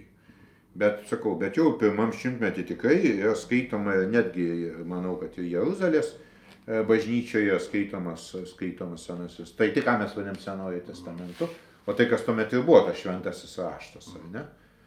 Tai va, nes Evangelijosgi parašytos vėliau. Tai taip, kad e, šitie elementai, reiškia, e, rašto skaitimas. Čia mes dabar kalbam apie tai, kaip atrodytų tai, ką mes dabar gal vadintumėm pamaldomis. Arba... Taip, eucharistinėmis pamaldomis, nes neužmirškime, kad krikščionys visada e, turėjo rinkosi šiaip e, garbinti Dievą, tai atlikdavo į savo šeimose ir net nesvarbu, paimkime vat, katalikų bažnyčią, štai gegužės mėno buvo net ir dabar tokioj sekularizuotoj visuomeniai, dar yra kaimuose žmonės susirenka kartu gėduoti litanijos Marijoje. Ne? Aš jau nekalbu apie įvairias evangeliškas bažnyčias, kur apskritai tenais daug formų įvairių ir taip toliau. Tai ta prasme, panašu, kad buvo ir, ir ne tik tais eucharistinio pamaldų. Tai reiškia dabar atitikmo galbūt šiandien daugmaž e, toks, jeigu mes yra sekmadieninės, vadinkime, arba pamaldos, arba mišios skirtingai Nu, taip. nuo bendruomenių, tai čia yra tos eucharistinės pamaldos ir tada plus būtų galima O tada jau- atskiri Taip, susirinkimai. galbūt, ten, sakau, mes to, to daug nežinome. Daug ir galbūt iš tikrųjų ten Paulius galbūt kalba būtent ne apie eucharistinės, bet apie tą agapę, kaip vat, būtent tų susitikimų, kurie turėjo, irgi atstojo savotiškai gal netgi tą pagonišką aukojimą, ta prasme, kur varguoliai galėjo pavalgyti, reiškia, ir krikščionis bendrai pasibūti ir taip toliau. Čia mes yra labai sunku, mat, viskas labai lakoniška, bet sakau, yra būtent hipotezė tokia viena, kad tai, ką Paulius kalba, būtent kalba apie kitą, jau, jeigu taip galima pasakyti, renginį. Kad eucharistinis aukojimas buvo kitoks, e, disciplinuotas ir taip toliau, o paskui buvo va, toksai, nesakau, žmonės e, nu, turėjo turėti tą kompensaciją, kurios jie netekdavo atėję į savo, sakau, iš viso tas, reiškia, bendras valgymas. Na čia, sakau, truputį, e, man atrodo, kai kurie istorikai galgi kai kokių nors ideologinių ar teologinių motyvų skatinami, man truputį viską suvelia į krūvą, nes aš nemanau, kad eucharistinė šventimas tikrąją žodžio prasme buvo va, tas e, tikras, o ne simbolinis valgymas. Nes e, ta vyno taurė ir ta duona, nu kokia, koks čia valgymas, atsiprašom. Tai aš manau, kad ten tikrai žmonės turėjo e, šiek tiek daugiau kokį nors ten, nežinau, sumuštinių. E, O, o reiškia, ten sūrio, dar kažko, tai tai karalienai visi valgė. Jo labiau, kad kaip krikščionis, vėlgi čia daug, labai daug dabar dirba socialinė istorija, krikščionis, reiškia, savo tokios socialinės organizacijos formą labai priminė, aišku, daugelį kitų bendruomenių, tokių profesinių, kultinių ir taip toliau. Tai yra žmonės, kurie turėjo e, bendrus tokius, e, kaip čia pasakyti, kultinius tikslus, e, turėjo tam tikrą savo išdą ir turėjo dvi aiškias, aiškius dalykus. Tai viena, tai bendra, bendras puotas, kas yra, sakau, iš vis socialinis dalykas labai svarbus toje visuomenėje, bet ir pas mus tiesa svarbus. Pažiūrėkit, mes nesuprantam, bet kai uždarė kavinės, kaip visi pajuto skausmingai. E, Čia yra šitie dalykai žmogus prigimtyje, niekur jie nedingsta. Na ir, ir e, rūpinamasi laidotuvėmis. Va. Bet čia, vat, kas yra labai įdomu, krikščionis, bent jau istorikai, nu, taip gan kategoriškai teigia, skiriasi nuo kitų, vat, nuo tų kultinių bendruomenių vairių, vis dėlto, kad e, nepaprastai didelė visuomeninė integracija. Tai yra nuo viršaus iki apačios. Na taip, ten aukščiausio. Taip. Jo, vienoje vietoje. Iš kitos pusės reiškia labai ankstyvų ir kas iš tikro e, darė milžinišką įspūdį, kaip galima suprasti, tuometiniai visuomeniai, tiem, kas sužinodavo e, socialiniu solidarumu, ta prasme, kad to, ką mes pavadintumėm socialinė rūpyba, socialinė atsakomybė, kuri paskui bažnyčioje visą laiką išliko ir dabar yra. E, Ir tas, reiškia, tas dalykas, tai net paskui yra Julijono Atskalūno, kuris po Konstantino trumpam norėjęs jau stengiasi sugražinti viską į pagonybę vėl. Laiškas šventyklos e, vadovui kažkokios pagoniškos, ne, ne visas išlikęs, kiek atsimenu, bet jo nurodymai yra labai aiškiai, nes Julijonas jau gerai pažinojo krikščionybę, imperatorius. Nurodymai, nu, daryti tą, tą, tą, nu, tai yra tai, ką darė krikščionis, rūpintis, aiškiai, vargstančiais, e, rūpintis vaikais ten ir taip toliau. Žodžiu, visa ta, visas tas dalykas, ką, ką tikrai krikščionis padarė ką jie atnešė, iš ko atsirado dabar tokia madinga šneka apie tą e, socialinę visuomenę, gerovės visuomenę ir taip toliau, tai yra iš tikrųjų vat, e, bažnyčios ir krikščionybės nuolat praktikuotas. Tai jūs paremtumėte argumentacinę liniją iš tikrųjų, kad tai yra krikščioniškos vertybės davė gimimas, sakykim, tokiam dalykui kaip socialinis darbas. Ir, Taip, ir, tik jūs nepainiokim to su socializmu ir komunizmu, Ne, tai ne, nieko bendro. tai. Taip, bet Ne, tai tik tais, tik tai šitaip, tik tais kas įvyko paskui istoriškai žiūrint, ar ne, e, prasidėjus e, visuomenės sekularizacijai ir kapitalizmui, e, viskas persistumdo taip, reiškia, čia ilgai istorija būtų, kad vis didesnė atsakomybė krenta valstybei. Reiškia, bažnyčios atsakomybės riba arba sumažėja, arba valstybė ima daugia su bažnyčia apšvietos laikais kontroliuoti socialinę veiklą, pavyzdžiui, mokyklų tinklą. Ne, kad ir toj pačioj e, vėlyvojo LDK, reiškia, kai jezuitai uždaromi, įkūrėma edukacinė komisija, ne, bet visas mokyklų tinklas, taip vadinasi, parapinės mokyklos, ar ne? Tai va, ir arba valstybė pati perima ir galų galę tenais toje garsioje kultūrkamfe, tas pats Bismarkas reiškia, jis aišku nevartoja tų savokų, bet kuria tikrai tai, kas dabar yra socialinės visuomenės pagrindai. O iš kitos pusės reiškia e, vokiečių katalikai, e, tas pats Kolpingas e, ir keletas ten tokių kitų, ten reikia paskaityti, kaip Engelsas su kokia neapykanta apie vokiečių katalikus rašo, nes jie iš tikrųjų pradeda kurti socialinę programą, kaip, reiškia, naujoje epochoje, kapitalizmo epochoje turi veikti, veikti, reiškia, teisingumas, kaip turi veikti socialinė globa ir taip toliau. Tai šia prasme čia yra krikščionybės produktas, tai čia nėra jokios šnekos ir Matot, jie- vis labiausiai jis tikrai trunka būtent per tūkstantmečius subrandintas. Mhm. Jūs matote, sako, kad nėra jokios šnekos, dėl to aš ir norėjau, kad jūs užakcentuotumėte irgi kaip istorikas, kadangi yra žmonių, kurie man aiškina, kad ne, krikščionybė nieko čia netnešė, žmonės visą laiką taip darė, bet aišku, mes tada žiūrėdami atgal galim... galim Žmonės darė ta prasme, kad duodavo savo e, pusbroliui ar savo jaunystės draugui išmaldą arba nupirkdavo, e, reiškia, kelnes, jeigu jis jų neturėjo. Taip, socialinis solidarumas, bet jie tą darė visiškai ne šitaip. Kal- Kalbama būtent apie sistemą, apie struktūrinį požiūrį, tai čia yra dalykas. Tai. Net universitete taip mokė, sakykim, Vilnius universitete studijau socialinį darbą ir mums aiškino irgi papasakotas, kad socialinis darbas galėjo gimti tik tai su krikščionintose vakaruose, kitur negalėjo gimti dėl to, kad buvo tam tikras kontekstas paremtas krikščioniu. Nes iš tikrųjų tai jis e, gimė, jau sakau, tada, kai, tada, kai buvo dar, dar nelegali krikščionybė. Ir jis augo ir toliau visą laiką. Ir čia liktai būtų vienas iš argumentų, kodėl žmonės norėjo tapti krikščionimis. Taip, tai matė darė, bet ne, ne tam, kad gautų tenais e, duonos Ne, bet iš tikrųjų matė kitokį pasaulį, kitą, kitą santykį tarpusavį. Ir sakau, tas dalykas yra labai aiškiai matomas, aiškiai. Ir, ir kas įdomu, aiškiai tie žmonės, ten pavyzdžiui, paliūdimų atideda truputį pinigų, kad galėtų oriai ir gražiai palaidoti ten, reiškia, mirusius kitus krikščionis, ar ne, kurių E, tai reikia turėti galvoje, kad ten tikrai turtingų žmonių yra nedaug. Arba, pavyzdžiui, tam, kad pasninkaudami, e, ką ir šiandien, pavyzdžiui, Vokietijoje, kokioje tikrai labai praktikuojama, kad tu iš tikrųjų pasninkauji ir tai, ką sutaupai, atidedi ir paukoji, reiškia, karitui, kam nors, tai lygiai taip pat ten irgi. Kad krikščionys, reiškia, ir antro amžiaus ir, sakau, tas e, šaltiniuose, pasninkaudami sutaupytą maistą arba sutaupytus pinigus atiduoda vargšams. Tas pasninkas yra, taip sakant, ne, ne tik tais tas, kad tu čia susivaldai ir taip toliau, tai čia bepigu susivaldyti, kai tu, reiškia, visko turi, bet, bet klausimas tas, kad jie iš tikrųjų tai daro, apriboja save tam, kad galėtų dalintis. Tai yra pasninkas ne tik susilaikimas, bet ir dalinimasis. yra. Tai va, tai čia va tokie dalykai, kurių jau tikrai Romos imperijoje, kad kažkas susivaldytų ir apribotų savo poreikius tam, kad duotų, tai čia motina vaikui taip gali daryti ir daro, bet ne tam žmogui, kuris to nežinia, iš kur atėjęs ir taip toliau. Čia yra labai esminis dalykas.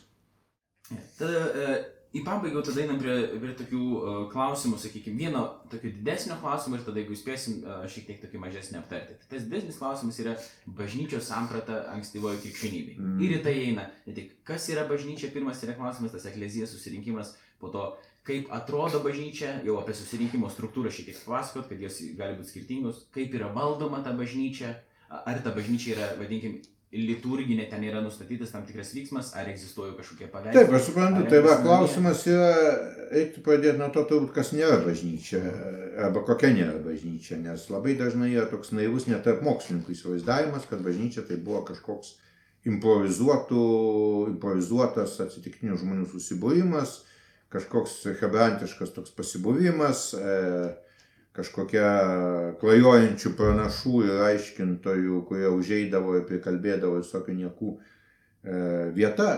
Ne, pirmas dalykas. Mes žinome paprastą daiktą.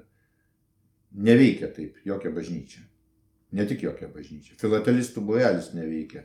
Taksų augintojų ir korgių neveikia.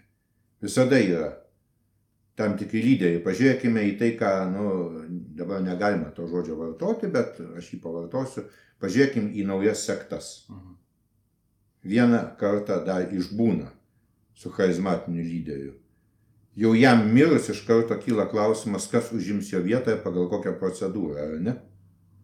Aš nekalbu, kad iš tikrųjų tas charizmatinis lyderis jau paprastai paskiria savo, savo kažkokius atstovus ir taip toliau, ar ne? Nesvarbu, kas čia bebūtų. Mhm. E, netgi jeigu pasieksim, pavyzdžiui, buvusio tikėjimo žodžio kelią Lietuvoje, pamatysim, kas buvo. E, ir čia matom aiškiai, Jėzus ko norėjo. Mes aiškiai matom, Jėzus pasirenka 12 apaštalų. Viskas, tai istorinis faktas. Šito joks rimtas istorikas neginčyje. Kitaip sakant, savo mokinius, kuriuos moko, kurie būna su juo, kurie klausosi, kurie gauna misiją, kas yra nepaprastai svarbu. Ir, irgi istoriškai šito turbūt neina paneigti. Ir grįžta paskui Jėzui pasakoja, kaip jiem nesisekė, čia yra teologinis nuspalvinimas.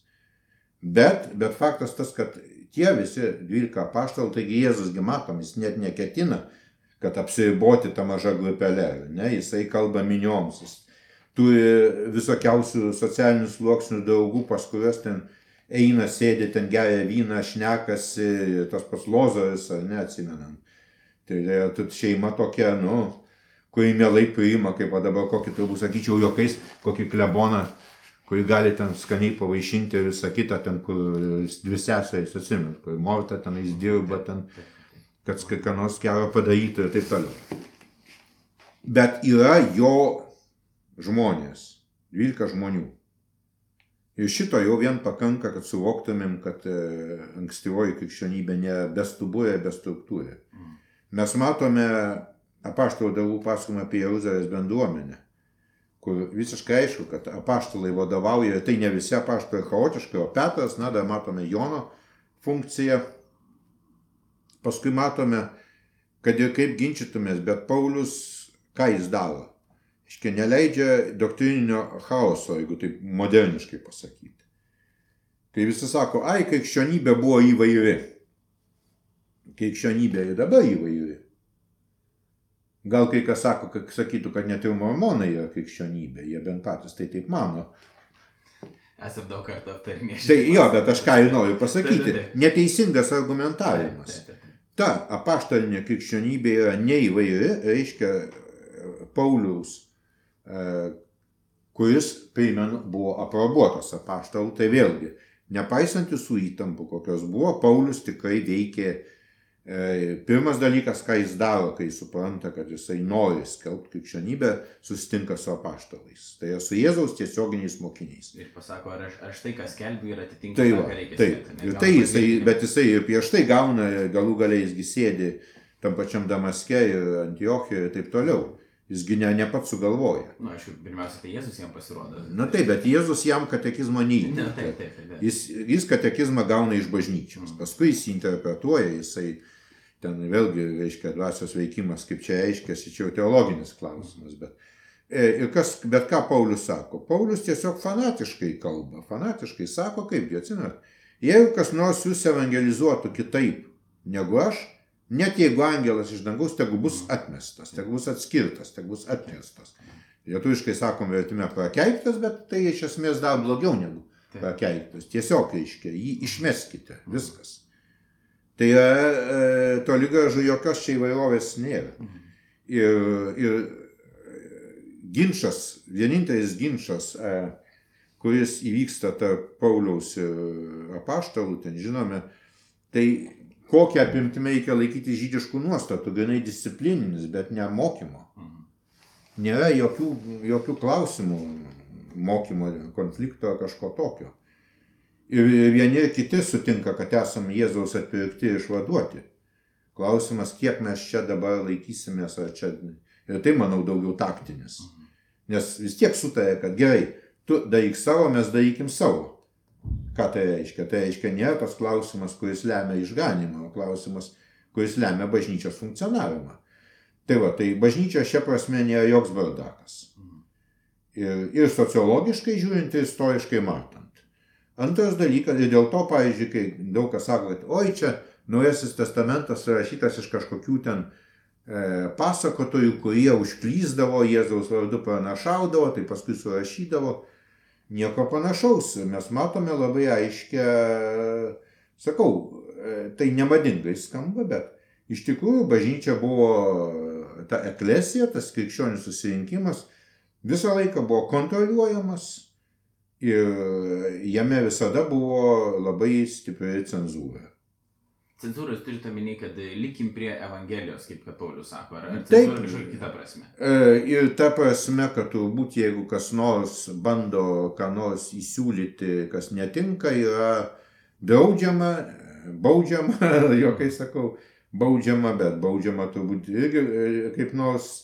E, Ir žiūrėkite, kas toliau vyksta, e, tie du mažučiai Jono laiškai. Nu, taigi yra, iš tikrųjų, jie alsuoja visiškų nepakantumu kitatikiui. Visiems, kas sako, reiškia, ir pirmasis Jono laiškas, kad tas, kas sako, kad Jėzus atėjo ne kūnė tikram, tas yra antikristas. Jokių čia nėra, jokių čia nėra kompromisų, tai yra visiškai, ir sakau, įsivaizdavimas, kad ankstyvoje krikščionybėje bažnyčia buvo tokia, nieko panašaus, tai yra, sakau, tai nepopuliaru sakyti šiandien. Bet tai yra tam, reiškia, tai yra tam tikras, e, tai iš ko dabar ką girdžiu, yra tam tikras teologinis, sakykime, Stuburas toks, taip. stuburas, kurio Taip, privalo taip. laikytis žmonės, jeigu jie nori būti krikščionys. Ne tik Taip, krikščionis e, būti ta prasme, kaip skelbė apaštalai, Taip. kaip skelbė Jėzaus mokiniai ir tų mokinių artimieji bendradarbiai. Aišku, o tas stiprumas, jisai priklauso vat, būtent dėl to, kad Jėzus jiems pats ir perdavė. Taip, taip, mokymą. nes jie, sakau, Jėzus juos, galima jokai sakyti, dresavo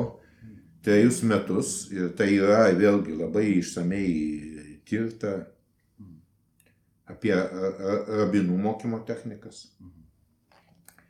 Mes e, turime rimtą pagrindą manyti, nors apie ją žinom jo šiek tiek vėlesnės, bet aš religijoje dalykai labai konservatyvūs visi tokiose visuomenėse. Aš manau tikrai, kad turime rimtą pagrindą manyti, kad Jėzus su savo mokiniais elgėsi taip pat, kaip, kaip rabinai anks- ankstyvieji, aiškia, pirmo amžiaus pabaigoje Palestinoje, pavyzdžiui. Ta prasme, juos mokė savo pasakymų, jam aiškino raštą ir aiškino, mokė interpretacijos metodų ir taip toliau. Ta prasme, tai nėra ir tas vad buvimas iš vis senajam pasauliu, kad ir antikos, ne? Kas yra filosofijos tikrasis mokytojas? Tas, su kuriuo būna mokiniai. Nebūtinai ten kasdien e, miega tam pačiam e, name, bet apskritai buvimas kartu. Ir klausimasis, dėmėjimasis, susitikimai ir taip toliau. Tai va, šitie dalykai. Ir žiūrėkite, čia mes dar turim vieną tokią e, iliuziją. Aiškiai, mes įsivaizduojam, nu, kad šimtas metų yra labai daug. Ne? O čia kalbu aš net ne apie šimtą, apie 60-70 metų, kai jau pradeda formuotis ta vėl nauja bažnyčia, ne, pirmam amžiaus gale. Jeigu kalbame, aiškia, apie apaštalus, apie jų artimiausius bendradarbius, kai kurie iš jų e, yra gan jauni, tai mesgi turim ką? Mes realiai turime senelių, vaikų ir anūkų kartą. Mhm. Tai yra mūsų atmintyje. Va, kaip sakoma, aš savo senelę pažinojau, kuri gimė prie caro. Mhm. Ir ne tik gimė prie caro, bet dar, kaip sakyti, gimė, jei neklystu, šeštais ar aštuntais metais. Tai yra daugiau negu prieš šimtą metų. Aš atsimenu jos pasakojimus. O aš dar nesu taip dramatiškai senas, e, kaip atrodytų. Ir va, aš savo draugams, kad ir jums galiu papasakoti tai, ką žinau iš savo senelės, arba pažinojau keletą iškilių kauniečių, kurie puikiai atsiminė e, dar nepriklausomybės kūrimą Lietuvos 18 metais, 20. Ir galiu jums papasakoti, aišku, tai nebus, e, reiškia, dokumentiniai užrašai, Pažodžiui. bet tai pakankamai tikras pasakojimas. Tai va, čia sakau, tas šimtas nepilnas septyniasdešimt šešiasdešimt metų tai yra juokingas laiko tarpas Nu, čia yra ir atsakymas gal tiem žmonėm, kurie sako, "O, pažiūrėkit, kaip vėlai užrašyti laiškai arba Evangelijos, kad Taip, taip. iškart, ne, nes... Tiesiog žmonės tiesiog to ne, ne, ne- nesuvokia, kad tai yra labai mažas laiko tarpas, ži- žinant, nesakau, tai yra realiai netgi ne trijų, o dviejų kartų Mhm. klausimas. Turint, ypač dar turint omeny, kad kai kuri žodinė tradicija, e, pavyzdžiui, kas yra laiškė filipiečiams, e, neklystu po to ir pirmam korintiečiams 15 skyriui yra, kai kurie dalykai yra ta žodinė Taip, taip, tradicija, fiksuota, atsekama keli taip, metai, taip, taip. užrašyta vėliau, bet jinai Taip, pati tai, taip, šaknis taip, turi labai Taip, ankstyvas. tai šitas irgi, tai bet sakau, tai vat, šitos dalykus reikia labai aiškiai suprasti. Gerai, bandykim tada dar, um, jau visai taip užbaigiant žmonėm yra e, įdomu irgi, kas ta, ta bažnyčia, sakot, turi tam tikrą struktūrą. Yra paštalai, kurie yra mokyti Jėzaus, jie įsteiginėja tas, tas bendruomenės, yra tam tikra hierarchija formuosi. Gerai, kokius mes turim tada na, tos, nes ne tik paštalai, po to buvo ir kiti, čia yra sukcesijos tas klausimas, ar sukcesijos, ar sakcesijos. Sukcesijos, E. na čia vėl kitas klausimas, mat, e, čia labai, kaip čia pasakyti, iš vienos pusės viskas labai e, kartais suprimityvinama, iš kitos pusės, aišku, teologinis mm, interpretavimas dar vienas dalykas, o e, kitas klausimas, na, vėl, kaip tai istoriškai atrodo, jeigu mes kalbame apie tą vadinamąjį, kaip dabar sako, monoepiskopatą, kai vienas vyskupas vienoje vyskupijoje, tai aišku, kad tokie dalykai egzistuoja tik tada, kai egzistuoja didelės palyginti didelės krikščioniškos teritorijos, palyginti daug žmonių ir bendruomenių. Ne? Dabar reiškia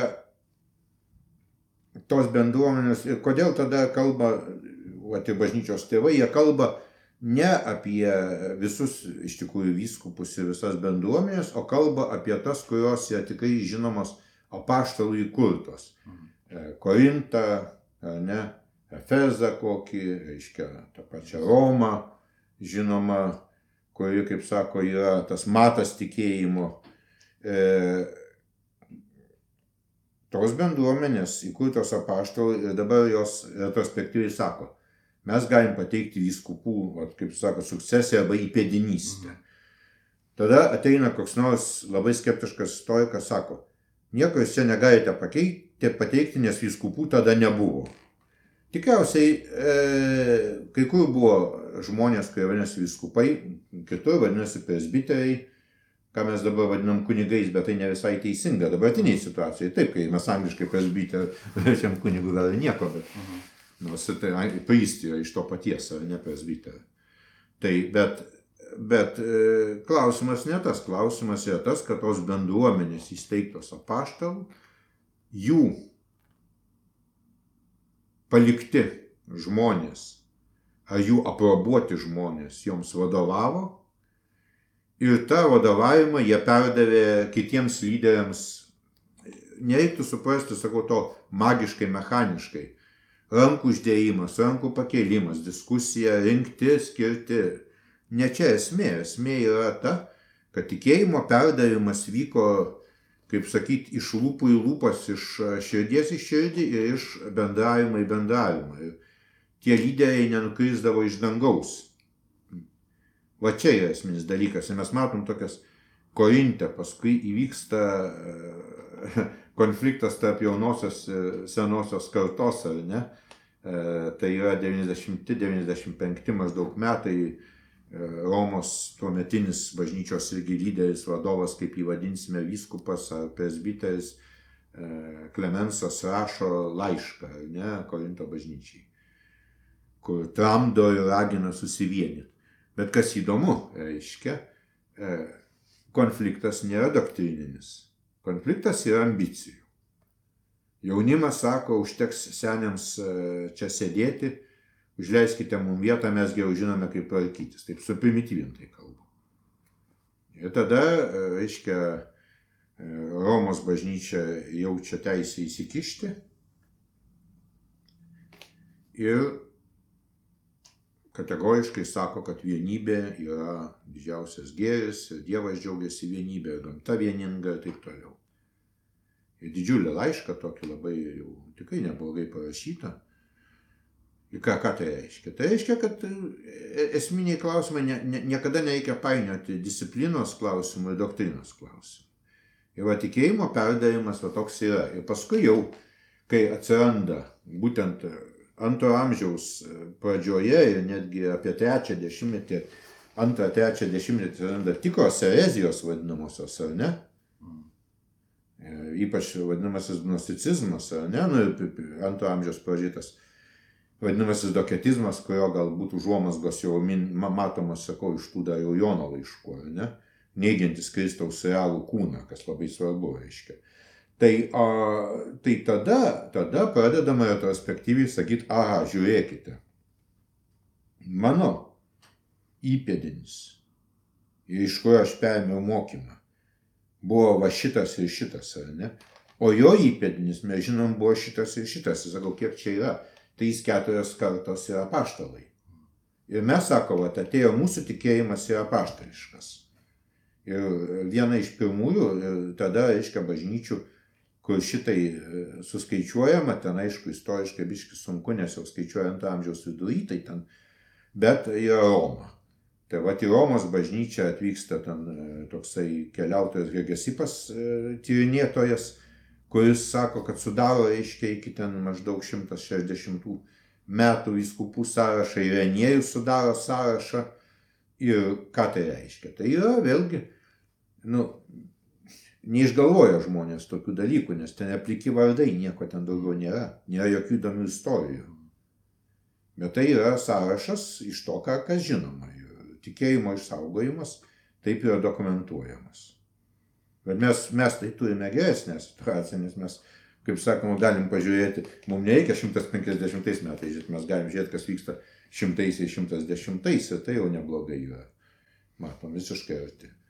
Jūs minėjote dabar e, ne vieną tą titulą, kaip ir viskupas, ir presbiteris, po to, kai buvo padarytas kunigas, čia vėl atskira problematika, čia yra tai jo, čia vidinis, vidinis teologijos diskusijos, ar reikia kunigo dabar, e, turint, sakykim, naują sandorą, nes Senam testamente reikėjo kunigo. O, tai čia teologiniai klausimai. Taip, bet mes šitą šiandien jau galėsim paliesti, nes ir laiko per mažai, ir čia yra teologinis klausimas, ne tiek istorinis. Bet yra, kaip minėjot, viskupai, presbiteriai, Diakonai dar yra irgi toks vienas terminas. Tai diakonai atsiranda šalia šito. Vėlgi, diakono teologija labai kebli, katalikų dabar teologija pradeda linkti į nuomonę, kad diakonas yra savarankiška tarnystė, nėra vienas pirmas etapas į viskupystę, nes mhm. taip visada buvo, įsivaizduojama, diakonas, kunigas, vyskupas, ar ne? Bet iš tikrųjų tai diakonai e, kaip vėl visą tą istorinę raidą mums sunku pasakyti, bet be jokios abejonės pati idėja, pati idėja yra iš e, apaštalų darbų žinoma. E, ten aišku, diakonai atsiranda turbūt tam tikro, vadinkime, truputį jokiais politinės įtampos dėka, nes, e, reiškia, vėlgi tie, ar tai graikiškai kalbantis žydai, ar pagonis atsivertė judaizmą, paskui krikščionybę, bet žodžiu, tą Tai tai, kas vadinama helenistais, reiškia graikų kultūros krikščionis, Jeruzalės kažkodėl pradeda įtarinėti, kad jie diskriminuojami. Jie aišku mažuma dar, bet to neužmirškime, o mažumas visada yra labai jautrios, ar ne? Ir tada ką apaštalai daro? Sako, atstokite, ne, nesukit mums galvos, mes ne, neusiminėsim finansais, va, kaip sakiau, jau Jeruzalės bažnyčia užsima socialiniu darbu, ir mes jums duosime, duosime diakonus ir, kaip rodo vardai, visi jie yra graikiškos kultūros. Va. Jie yra, yra, reiškia, iš jų, va štai jums žmonės, kuriais jūs dabar jau turit pasitikėti. Jie nėra eiliniai Jeruzalės žydai, jie yra graikiškos kultūriškai jūsų kultūrinio lauko žmonės. Gal ten vienas yra koksai ne, ne, ne visai aišku, bet šiaip jau visi tie septyni simbolinis skaičius. Tai va tai, o paskui, kas atsitinka, aišku, įvyksta tas įsisklaidimas, diakonai irgi pradeda skelbti Evangeliją. Bet jie neprilyginami, neprilyginami uh, apaštalams. Niekaip jie yra tiesiog apaštalų tokie adjutantai. Nu, vietinės bažnyčios, tada mes turim tokią didelę pauzę, ir girdime tai Romoje apie diakonus, tai reiškia Hipolito tose konstitucijose tradicijoje paštalų, reiškia antram amžiui mes girdim apie diakonus. Na ir Paulius mini moteris diakonė, moteris diakonė, Dabar, reiškia, antram amžiuje jau tai aiškiai matome kaip tam tikrą grupę dvasininkijos. Pavyzdžiui, Romoje diakonai irgi atsakingi yra už Romos finansų ir socialinės veiklos sritį. Ir daugia jie yra labai įtakingi, jie yra artimiausi vyskupo bendradarbiai Romoje. Aiškiai, jeigu ten presbiteriai, tai kiekvienas ten turi savo aiškiai parapiją antro amžiaus gale, tai diakonai yra e, labai artimi popiežiui ir mes turim bent, žinau, bent du atvejus istoriškai pakankamai paliudytus, apie kitus tiesiog nežinom, kai e, vadinamieji popiežiaus diakonai tampa paskui, vyskupo Romos diakonai tampa patys Romos vyskupais. Ta prasme, kad aiškiai matosi, kad tas ryšys yra toksai, aiškiai, e, yra. Tai, o šiaip tai, sakau, vėlgi čia, nu, mat, bėda ta, kad mes dažnai įsivaizduojame, sakau, viską va, taip kaip šiandien. Mhm. Bet tai pasaulis pasikeitė, tai šia prasme nepasikeitė e, sakramentinių šventimų, kas juos pripažįsta prigimtis ar vadovavimo bažnyčioje prigimtis, kuri vis tiek plaukia iš Dievo. Kaip ten bebūtų, reiškia, visos didžiosios bendruomenės vis tiek su to sutinka, turbūt, turbūt net, ir, net ir evangelikai reformatai sutinka, kad vis tiek tai yra, yra ne, ne, ne, kaip čia pasakyti, vadovavimas yra E, darbas e, sekant Kristumi, o ne, o ne pasaulietinio vadovavimo principais. Dar vienas toks uh, titulas irgi yra vyresni, bet ar čia būtų tie patys. Tai čia presbiteriai, presbiteriai, bet bėda kokia yra su presbiteriais. Šitą savoką jau Naujajam testamente turi bent keturias reikšmės. Jeigu įmam ankstyvąją bažnyčios tradiciją, tai šitą savoką iš vis įgauna dar naujas reikšmės. Ir egzistuoja dar grupė žmonių ankstyvojoje bažnyčioje, čia jau labai slidus laukas, kur aš kalbu, labai hipotetinis, bet grupė žmonių, kurie laikomi itin autoritetingais apaštališkos čia mažoje Azijoje. Apaštališkos tradicijos sergėtojais. Jie yra presbiteriai, galėtumėm sakyti lietuviškai senoliai. Ir tie senoliai, ir netgi yra hipotezė, kad būtent tie senoliai atrinko Evangelijas, kurias mes turime, iš tų tekstų, kurie tuo metu cirkuliavo. Va, kitaip sakant, sudarė tą doktrinos stuburą paskui. Ir yra tokių momentų, kur matome tikrai. E, ir čia sakau, Efezos, reiškia, va, reiškia priešakinė Azija tai, tai mažoji Azija. Tai, tai va čia yra, yra tokia, tokia uh, presbiterių grupė, kuri, sakau, pretendavo ir, ir buvo pripažinta. Ir tai veikiausiai būtent jie presbiteriai buvo ne ta prasme, kaip o tie kiti presbiteriai, kurie tiesiog vadovavo bažnyčiams vietiniams, bet turbūt iš tikrųjų kažkokie žmonės, kurie buvo iškilus tikėjimo žinovai ir mokytojai, kurie dar turėjo, sakau, labai artimą ryšį, nebūtinai su pačiais apaštalais, nors vat, tas presbiteris Jonas, kuris kartais tapatinamas, kartais ginčiamas, čia labai čia irgi e, ginčas be pabaigos, e, bet kurį žinome, kur, kad, kuris gyveno labai ilgai, vis tiek jisai buvo Jėzaus mokinys, ar ten taip žiūrėsi, kitaip. Bet aišku, E, negana to jis irgi atrodo turėjo geriausią mokinį, kuris buvo vardu Jonas. Tai jau kadangi dar buvo apaštalas Zebedėjaus, reiškia, sunus Jonas, tai mes turime čia Jonų, kurios dabar istorikų išrankioti yra baisiai sunku. Mes turim likusias tris minutės ir aš pabandysiu užduoti klausimą, kadangi jis yra man šiek tiek įdomus. Tai tiesiog užvesti tiesiog ant kelio galbūt. Ir čia irgi šiek tiek yra teologijos šitam klausime galiausiai, bet iš istorinės perspektyvos irgi tikriausiai galima bandyti atsakyti į, kada atsirado, kaip atsirado tas mirusiųjų, Marijos kultas, irgi sakykime, nes čia irgi yra didelė diskusija visur, sakykime, galima, negalima melstis e, mirusiesiems, kodėl, kaip, ką, ką tas reiškia čia teologiniu lygmeniu. Bet, tai mes atskirkime melstis už mirusiuosius ir melstis mirusiesius. Nu, taip, taip, melstis. Tai yra labai svarbus skirtumas. Taip, taip, ir bet kokiu atveju sunku pasakyti, kaip tai atrodė pirmame antrame šimtmetyje, bet aiškiai matome, kad krikščionys labai rūpinosi mirusiųjų laidojimu. Mhm. e, katakombos yra labai aiškus liūdėjimas, bet aiškiai matyti prieš tai. Dabar Marijos e, statusas ir gerbimas Jis aišku irgi istoriškai labai kinta. Labai sunku pasakyti, sakau, apie daugelį dalykų, kai mes neturime šaltinių. Mes, mes beveik, nu, apie, sakau, apie ankstyvąją liturgiją ir visą kitą mes turime tokį gabaliuką reiškia. E, Justino raštuose apie krikštą irgi šiek tiek didesnį gabaliuką. Ir, ir tiek. E, apie antrą šimtmetį, jeigu kalbam. E, Marijos vietą naujajame testamente mes matome tuos dalykus, kuriuos pripažįsta ir didžiosios reformuotos bažnyčios. Marija ten turi ypatingą vietą. Tai yra jinai minima, kai meldžiasi sėkminėse su apaštalais, ar ne. Tai yra ypatingas, ji pasirodo labai mažai, bet jos būtent tas buvimas, jinai stovi po kryžiumi e, su Jonu, e, jinai yra ta prasme, vaiz, jinai vaizduojama, aiškiai, bažnyčios sąmonėje, galų gale tie pasakymai, kad jinai laikė savo širdyje e, iš Luko Evangelijos tai, kas vyko su e, vaiku Jėzumi, kūdikiu dar. E, tie pasakymai rodo, kad bažnyčia Mariją suvokė kaip ypatingą savo narę.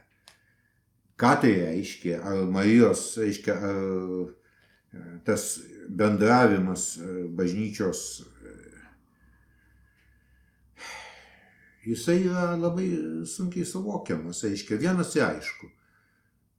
Apokalipsė mums šitą rodo, ar ne, bet mes žinome iš sveiko proto, reiškia, ką, ką tikintieji daro danguje, taip sak, paprastai sakant, garbina Dievą, ar ne? Ar tikintieji danguje atskirti nuo tikinčiųjų žemėje? Nu, apokalipsė rodo, Jono apreiškimas Jonui rodo, kad ne. E, tada, reiškia, ar mes esame palikti, ir e, čia jau yra, e, skaitykite Peterio Brauno knygą Šventųjų kultas, e, gan sunkia beje. Iš kur ateina ta idėja vėlgi? Reiškia, patronato idėja. Kiekvienas Romoje nekilmingasis turi savo patroną, kuris už jį atsako į globoją. Ir šia prasme ir, ir bendruomenės irgi, ir kokie pirmiausia, kokių šventųjų, ar kaip čia pasakyti, šaukiamasi. Tai jie pirmiausia kankiniai. Tie, kurie e, atidavė gyvybę, gyvybę už tikėjimo išpažinimą ir nesimsiu komentuoti iš religiotinio teologinio taško, dažnai jų kankinystė buvo matoma kaip lydima ypatingų įvykių, stebuklų ir panašiai. Ir tada vėlgi klausimas, ar mūsų ryšys e, nutrūksta su šituo žmogumi, ar iš tikrųjų sustiprėja. Tai va, visa šita, visas šitas kontekstas, e, jame, jame reikia mąstyti apie, apie šventųjų kulto atsiradimą.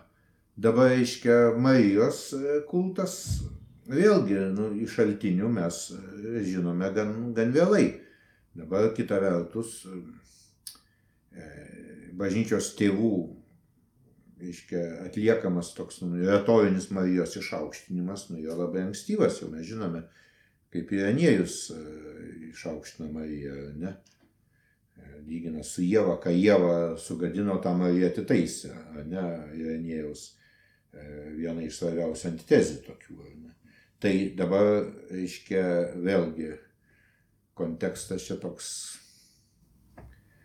toksai, kurį, kurį ar mes galime spėti, kad e, tai kaip nors siejasi su liturginiu aspektu, nežinome. Bet, pavyzdžiui, vėlgi matome tą garsę, aiškiai, dabar jau kiek vėlesnių laikų datuoja, bet, sakykime, vis tiek antras šimtmetis katakombų piešinį, kur Marija reiškia ir pranašas rodo į žvaigždę. Tai va, tai va, tiek, tiek turėtumėm kaip istorikas ir galiu pasakyti, tai yra tokios skiautės. Dabar kaip tos skiautės susidėsto, jeigu žvelgiam iš e, bažnyčios retrospektyvos, iš ketvirto amžiaus ar ne, tai labai aiškiai matome, kaip natūraliai ateina Marijos e, gerbimas, pripažinimas ir kultas ir kitų šventųjų.